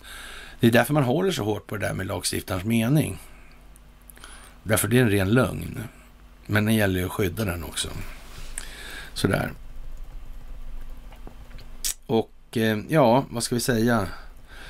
Elon Musks Starlink to deliver internet nearly worldwide within weeks alltså. Ja, vi får väl se. Det här var ju i juni då och eh, Ja, det är som sagt blir ett problem i så fall. Eller är det kanske det som har varit driftstörningarna? För det är ju inte så att de som kontrollerar telekominfrastrukturen kommer redovisa var de har satt bakdörrarna. Kommer inte att hända. Nej, så. Jaha, Österrike inför lockdown i tio dagar för alla alltså. Och eh, ja, vad ska vi säga? Det är ju hur löjligt som helst. Det är ju både ur ett skyddsperspektiv emot den djupa statens alltmer utspårade struktur, urspårad struktur heter det, såväl som ur ett folkbildande perspektiv, någonting som till och med väcker en österrikare. Ja, och Eh, men är de verkligen så där jävla tröga i Österrike? Ja, historiskt sett har de inte varit några stora intellektuella föredömen i de här sammanhangen. Det kan man väl inte gärna påstå då. då. Och eh, ja, det är väl bara att konstatera det att det, vi må ju tycka vad vi vill om Sverige, men vet fan om det där skulle liksom behövas. Nej, vi vet ju inte det, men Ja, ja. Eh, precis, även efter nedstängningsperioden ska ovaccinerade fortsatt vara i lockdown och Österrike då kör då lite sympatilockdown på de som är vaccinerade här nu. Det här är ju liksom fantastiskt. Det kan ju inte bli bättre. Vad, vad kan någonsin gå fel liksom? Jaha, och tänk om det finns länder då, eller visar sig att det finns länder vars grundlagar egentligen motverkar syftet bakom internationella konventioner och internationell rätt. Tänk om det är så alltså. Det här är liksom inte kompatibelt. Det är tillåtet i något jävla land att åka runt och muta andra länders statsförvaltningar och statstjänstemän och sådana grejer. Och, och, det finns inga möjligheter till påföljder på hemmaplan då. Ingen risk för påföljder kanske man skulle kunna säga då, om det var tanken var att det skulle vara så. Ja, ja, det vet man ju inte. Skulle det kunna vara något som internationella samfundet inte är så glada över? Att de får in en massa folk som bara ställer till muter och korruption och sen så sprider det där sig som fan. Är det någonting som är bra eller dåligt för det internationella samfundet? Då måste man säga, då måste man ju fixa så man har kontroll på det internationella samfundet. Det är rätt så centralt just då. Jaha, Moderaterna då går från klarhet till klarhet och ska finnas kvar i evigheter tror de. Inte alls på längre. De vill se vaccinbevis även på restauranger. Och eh, vad ska man säga, det är helt nödvändigt med sån där skit nu för att väcka människor. Det får ju vara någon måtta det här nu. Nu måste folk ta sig samman och det är bara att stå på nu. Och eh, ja, vad ska man säga? Den sjunde brottvågen börjar torna upp sig i USA nu samtidigt då. Det är många saker som kommer falla in här i Sverige, bland annat Antifa, bland annat samarbetena mellan underrättelsetjänsterna och så vidare och så vidare. Och sen har vi de här nationella traumorna som kommer så småningom också, om också då sådär. Och sen har vi den här lilla soppan då med att dramaturgin i den här rättegången då mot den djupa staten, höll jag på att säga, men mot den här stackaren då som självförsvarade sig då. Och eh, så här att dramaturgin där, det är ju liksom vad det är helt enkelt. Det, alltså, man spar ingen möda för att exponera allt den djupa staten har hållit på med. Det är en oerhörd insats och planeringsinsatsen för det där. Det måste ju vara en evig, till och med domaren är utsedd av Obama liksom. Det, det är ju liksom jättenoga gjort det här och, och vad ska vi säga? de, han släpper alltså inte in den här domaren, ja, Schröder då. Han släpper inte in MS NBC i rättssalen under rättegångens varaktighet efter att en anställd då som påstås vara producent i den lilla verksamheten då och enligt uppgift förföljde skåpbilen som körde hem nämndemän på onsdagskvällen och blev kontrollerad då när han körde mot rött ljus då och sådär. Och det där går ju inte liksom att de börjar med hota med tidningar eller media för att påverka juryn. Det är sådär halvosnyggt. Men det här upplägget är ju helt enormt alltså. Det, det, och, och, det är ju så stort och så mycket så det där eh, ser ju ut att, som att det är, det är tur helt enkelt. När omständigheter kommer till förberedelse så. Det är tur då. Så de hade tur då. Jaha, och Trump begär nu alltså att Pulitzerpriser ska återlämnas och eh, det kan man ju tänka på i ljuset av att Obama fick Nobels fredspris redan 2009 alltså. Och eh, ja, det finns ju en rad olika aspekter på det här. Det gör det ju. Och det blir ju mycket intressant nu närmsta dagarna och veckorna här. Jaha, och i Lycksele är de glada. Positiva vaccinpass, det har jag väntat på. Och eh, ja, det är ju som det är helt enkelt. Och eh, den här liran då, Hammersliran då i Österrike som, eh, det där blev lite för mycket. Alltså John Kavanaugh heter han visst. Och eh, Alexander heter han den här. Det är John Kavanaugh som har delat den här. Men Alexander heter den här. Ser ut som en amish-gubbe. Och eh, ja, nej men de har fått igång en massa människor på gatan och det är väl bra det då. Men, men som sagt, det gäller ju att öka förståelsen. Och ute på gatorna skränandes, där är det inte så mycket förståelsetillväxt. Eller i vart fall inte ofta så mycket som man skulle önska sig. Det är ju lite bra också. Det är där med, vem är det som egentligen har kommit på den här idén med att manifestera på det här viset? Det är ju liksom, ja. Ja, ja. Det får man göra om man vill. Jaha, och i eh, det här är ju en, det här är ju en mycket speciell historia då på Zero Hedge där och det, egentligen så är det då från Strategic Culture då. Och eh, jag vet inte det där om man inte fattar bättre på Strategic Culture, det har jag aldrig blivit riktigt på det klara med eller om man så skriver ner sin egen skalle så mycket ändå. Va? Och eh, man eh, Ja, Europa borde ge upp det här med leveranserna från, av naturgas från Ryssland istället för att klara, försvara Ukraina och Polen. Det är det modiga rådet kommer från Storbritanniens premiärminister Boris Johnson som räknar krigsledaren Winston Churchill som en av sina politiska hjältar. Ja, Johnson talade till en bankett i London denna vecka och varnade Tyskland, Frankrike och Italien och andra europeiska regeringar. Vi hoppas att våra vänner i Europa kan inse att ett val snart kommer mellan att driva allt fler ryska kolväten i jättelika nya rörledningar och att stå upp för Ukraina och kämpa för fred och stabilitet alltså. Och eh, ja, eh, jag vet inte om man ska hur man liksom ska... Det är dum eller falsk alltså. Så. Eller också är det det att man måste avpassa tuggstorleken. Det går inte snabbare. Naturligtvis kan datorer räkna på sånt också. Alltså hur mycket jordmån finns det? Hur mycket grogrund? Det är ju en fråga.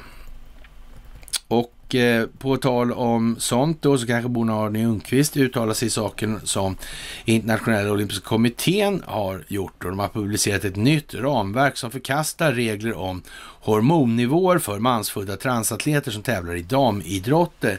Det nya ramverket med titeln IOC-ramverket om rättvisa, inkludering och icke icke-diskriminering på grund av könsidentitet och könsvariationer säger följande. Alltså varje person har rätt att utöva idrott utan diskriminering och på ett sätt som respekterar deras hälsa, säkerhet och värdighet alltså. Och eh, idrottare ska inte anses ha en orättvis eller oproportionerlig konkurrensfördel på grund av deras könsvariationer, fysiska utseende och eller transpersoners status står i den här rapporten. Och eh, ja, Förut fick man ju då ha bara tävla om, om som kvinna då, om man hade då testosteronnivån under ett visst tröskelvärde 12, månader, för, 12 månader före det här. Då, då så här. Och eh, ja, nu efter det här nya ramverket så anses det här respektlöst då och potentiellt skadligt och invasiv fysisk undersö undersökning. Ja, liksom, mm. men eh, vad ska vi säga, det där är ju lite speciellt. Under OS i Tokyo var det här frågan när den nyzeeländska tyngdlyfterskan eller lyftaren då Laurel Hubbard, den första öppet transsexuella idrotten, tävlade i spelen.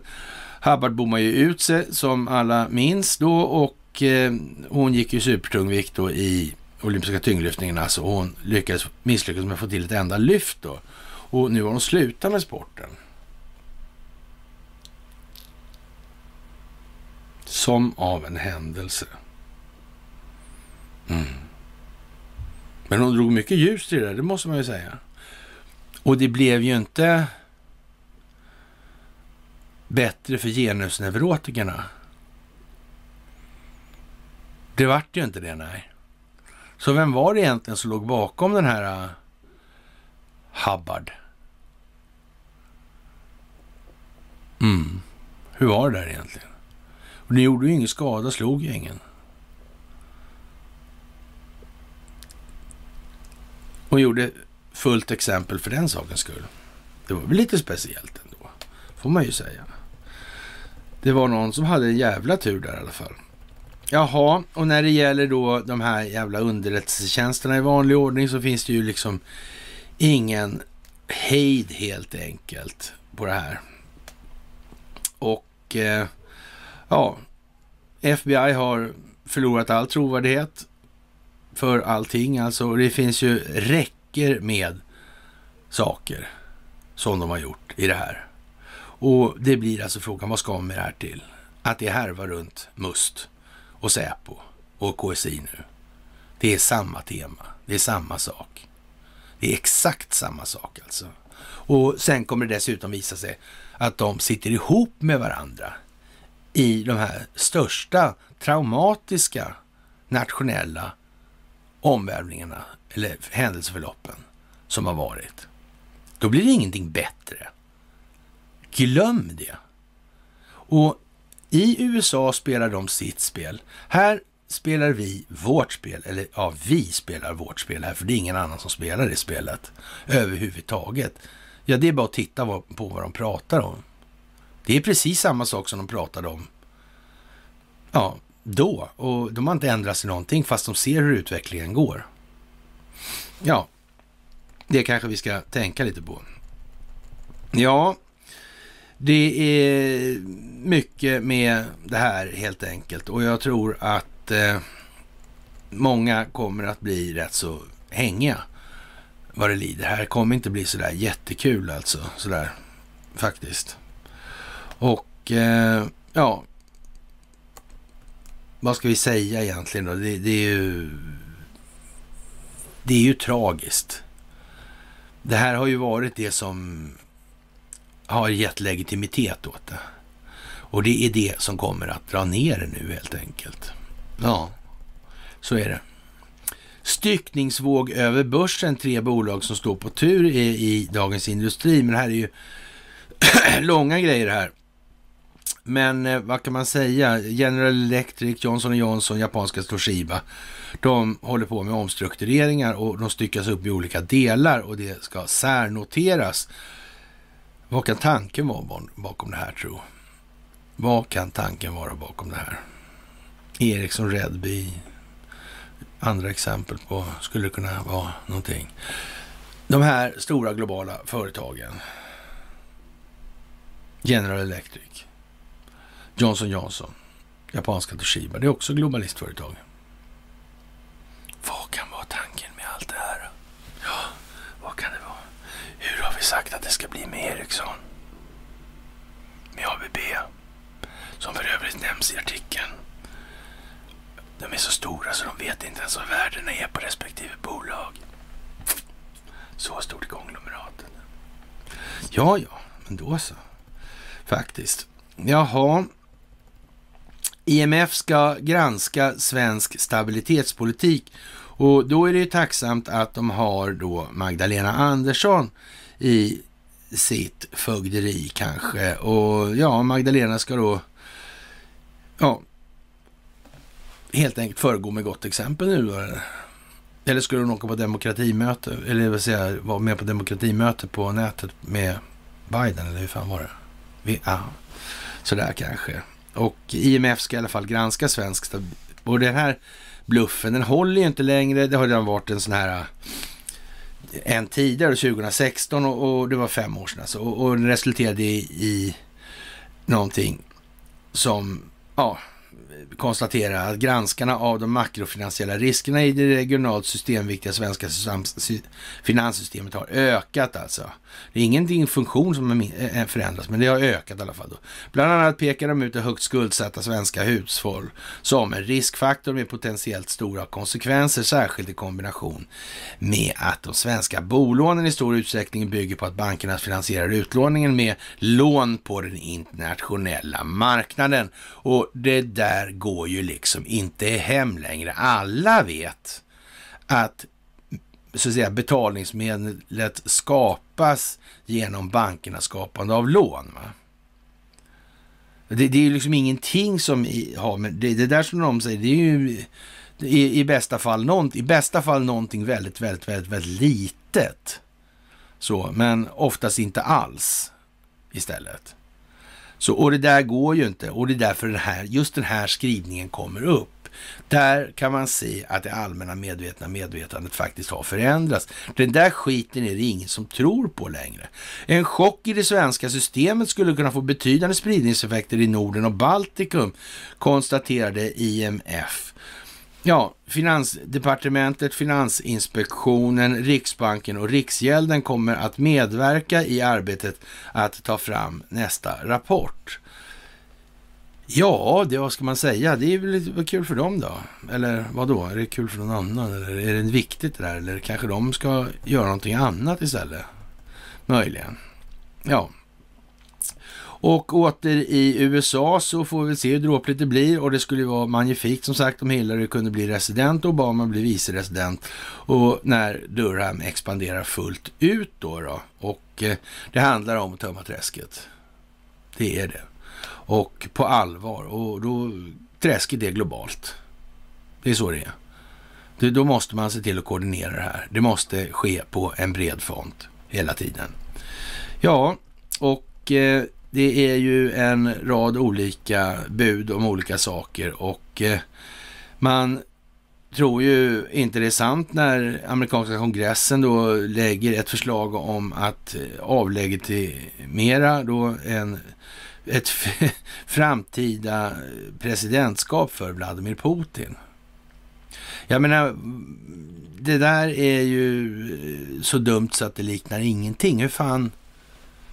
Och, och, och då så svarar man då liksom från Kremls sida då, eller Peskov, de svarar detta är en utmärkt demonstration för världens länder att USA officiellt blandar sig i andra nationers inre angelägenheter och så kom det där och gamla vanliga uttrycket igen och så.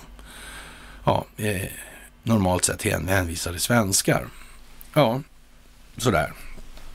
Det är lite som det är, kort sagt. Och när det gäller de här olika ekonomiska delarna i det här så kan man säga så här att det går ut på att splittra Investor. Det går ut på att se till att den här maktstrukturen inte längre kan verka på det sätt som den har gjort under så lång tid tillbaka. Och vilket har drabbat hela planeten. Och eh, det här har man haft koll på, man har haft stackel på i, ja, sen mycket, mycket, mycket länge kan vi säga så här. Och det var nog inte så att man tänkte det var skitsmart att ge Obama det här Nobelpriset. Det hade man nog fan hellre låtit bli alltså. Om man säger som så. Men då har det kommit påtryckningar. Det har inte varit lika öppet. Det här gick went open då alltså när Donald Trump blev president. Så innan dess så måste det ha varit ganska tyst ändå. Men ändå bedrevs verksamheten i samma riktning. Men då förstod man inte riktigt från den djupa statens sida vilka det var som gjorde vad med vilket syfte. Och då var naturligtvis kvantatorerna har varit med i decennier. Sådär. Ja, och Tony Connys tekopp kom vi in på här och det beror på att, eh, ja, mycket prat om tarotkort och sådana här grejer också och vad som egentligen är vad då i de här sammanhangen då. Det visar sig helt enkelt. Och det går lika bra med en kvantdator som det gör med tarotkort eller? ja, vi ska väl inte raljera för mycket med det där kanske. Mm. Conny Stekop sa i alla fall idag i det månförmörkelse, något som äger rum i Oxens tecken grad 27. En månförmörkelse kan kännas av, flera kännas av flera dagar innan den äger rum. Så en del av er kanske redan har fått nyheter. Månförmörkelse kommer att påverka tidsuppfattningen. Det kan tyckas som att en plan vi trodde låg långt fram i planeringen aktiveras redan nu och det kan ju faktiskt stämma för det blir lite så här nu också att eh, det går snabbare och fast det fortfarande går för långsamt och sen helt plötsligt så går det för fort. Det är ju så också. Och det är ju någon form av bryttid. Och sen är det ju det här med himlakroppar och hur det påverkar oss ur olika perspektiv. Och det är, det är också en roll alltså i det här. Och det handlar också mycket om det här med magnetism och gravitation och de krafter som vi ständigt är utsatta för i det här. Det har en påverkan i alla fall. Jaha, nytt strömavbrott hela Bromma utan el var det visst ja. Och Eh, det var ju för ett par timmar sedan det här. Och omfattande IT-haveri för, IT för sjukhus, taxi och domstolar. Och då kan man säga att Domstolsverket har drabbats av ett stort IT-haveri som medförde att de inte gick att e-posta någonting till Sveriges domstolar eller besöka deras hemsidor. Och vad det beror på, det vet man alltså, det visste man inte då, innan jag satt här och började spela in det här. Och eh, man får väl säga så här att i det här läget så finns det ju fortfarande, så det är inte, det är inte så exakt lite Stockholmsbyråkrati som är implementerat i det här landet. Och, och i några fall så kan det väl vara lite så att det krävs av nöden tvunget att göra en del olika insatser.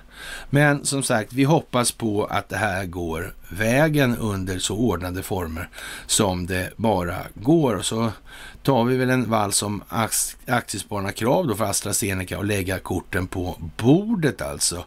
Och eh, ja, Sverre Linton då, Aktiespararnas chefsjurist, han tycker att det är dags för familjen Wallenberg att sätta ner foten. Det är ju lite eh, sådär, det gäller den här affären med Sobi som vi har tagit upp tidigare och det här handlar mycket riktigt om, ja, vad ska vi säga? Det ska exponeras och sen ska det åtgärdas i det här och det ska helst då och, ja, åtgärdas genom att befolkningen har ett engagemang i det här. Och det är ju en bit till. Och eh, jag vet inte om den här eh, donnan som ska ha hand om eh, banktillsynsmyndigheten är egentligen så mycket att diskutera. Och, eh, men vi vet ju ungefär det här med kommunistkulisser. Vi kan det här med Palmedutt och vi kan det här med Sydafrika och vi kan det här med Myrdals och vi kan det här på hundra olika sätt som inte alla andra på jorden kan. Därför att det är samma lilla jävla svenska kluster som har funnits med i det här hela tiden.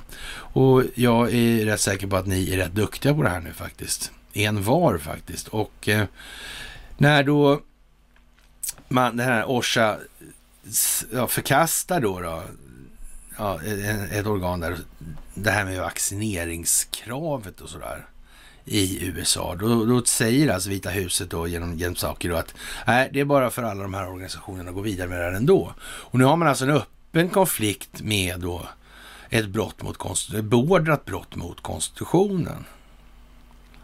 Och, och, det är ju så att säga, det, det, är en lite intrikat situation. Det är ungefär lika korkat som att Stefan Löfven är inbjuden av Joe Biden. Och så vad gör vi då? då? Och om det här mötet ska ske om en liten stund eller så, Ska, ska Löfven åka i alla fall då eller? Eller hur tänkte de här? Ja. Det här är, det är ju lite... Och, och, här då så, så... Nej men det här är ju ett brott liksom. Det går ju inte mot... Det är ett brott mot konstitutionen. Ska... Är vi straff... Är vi utan straffansvar då helt plötsligt om vi genomför det här eller? Ja, sådär.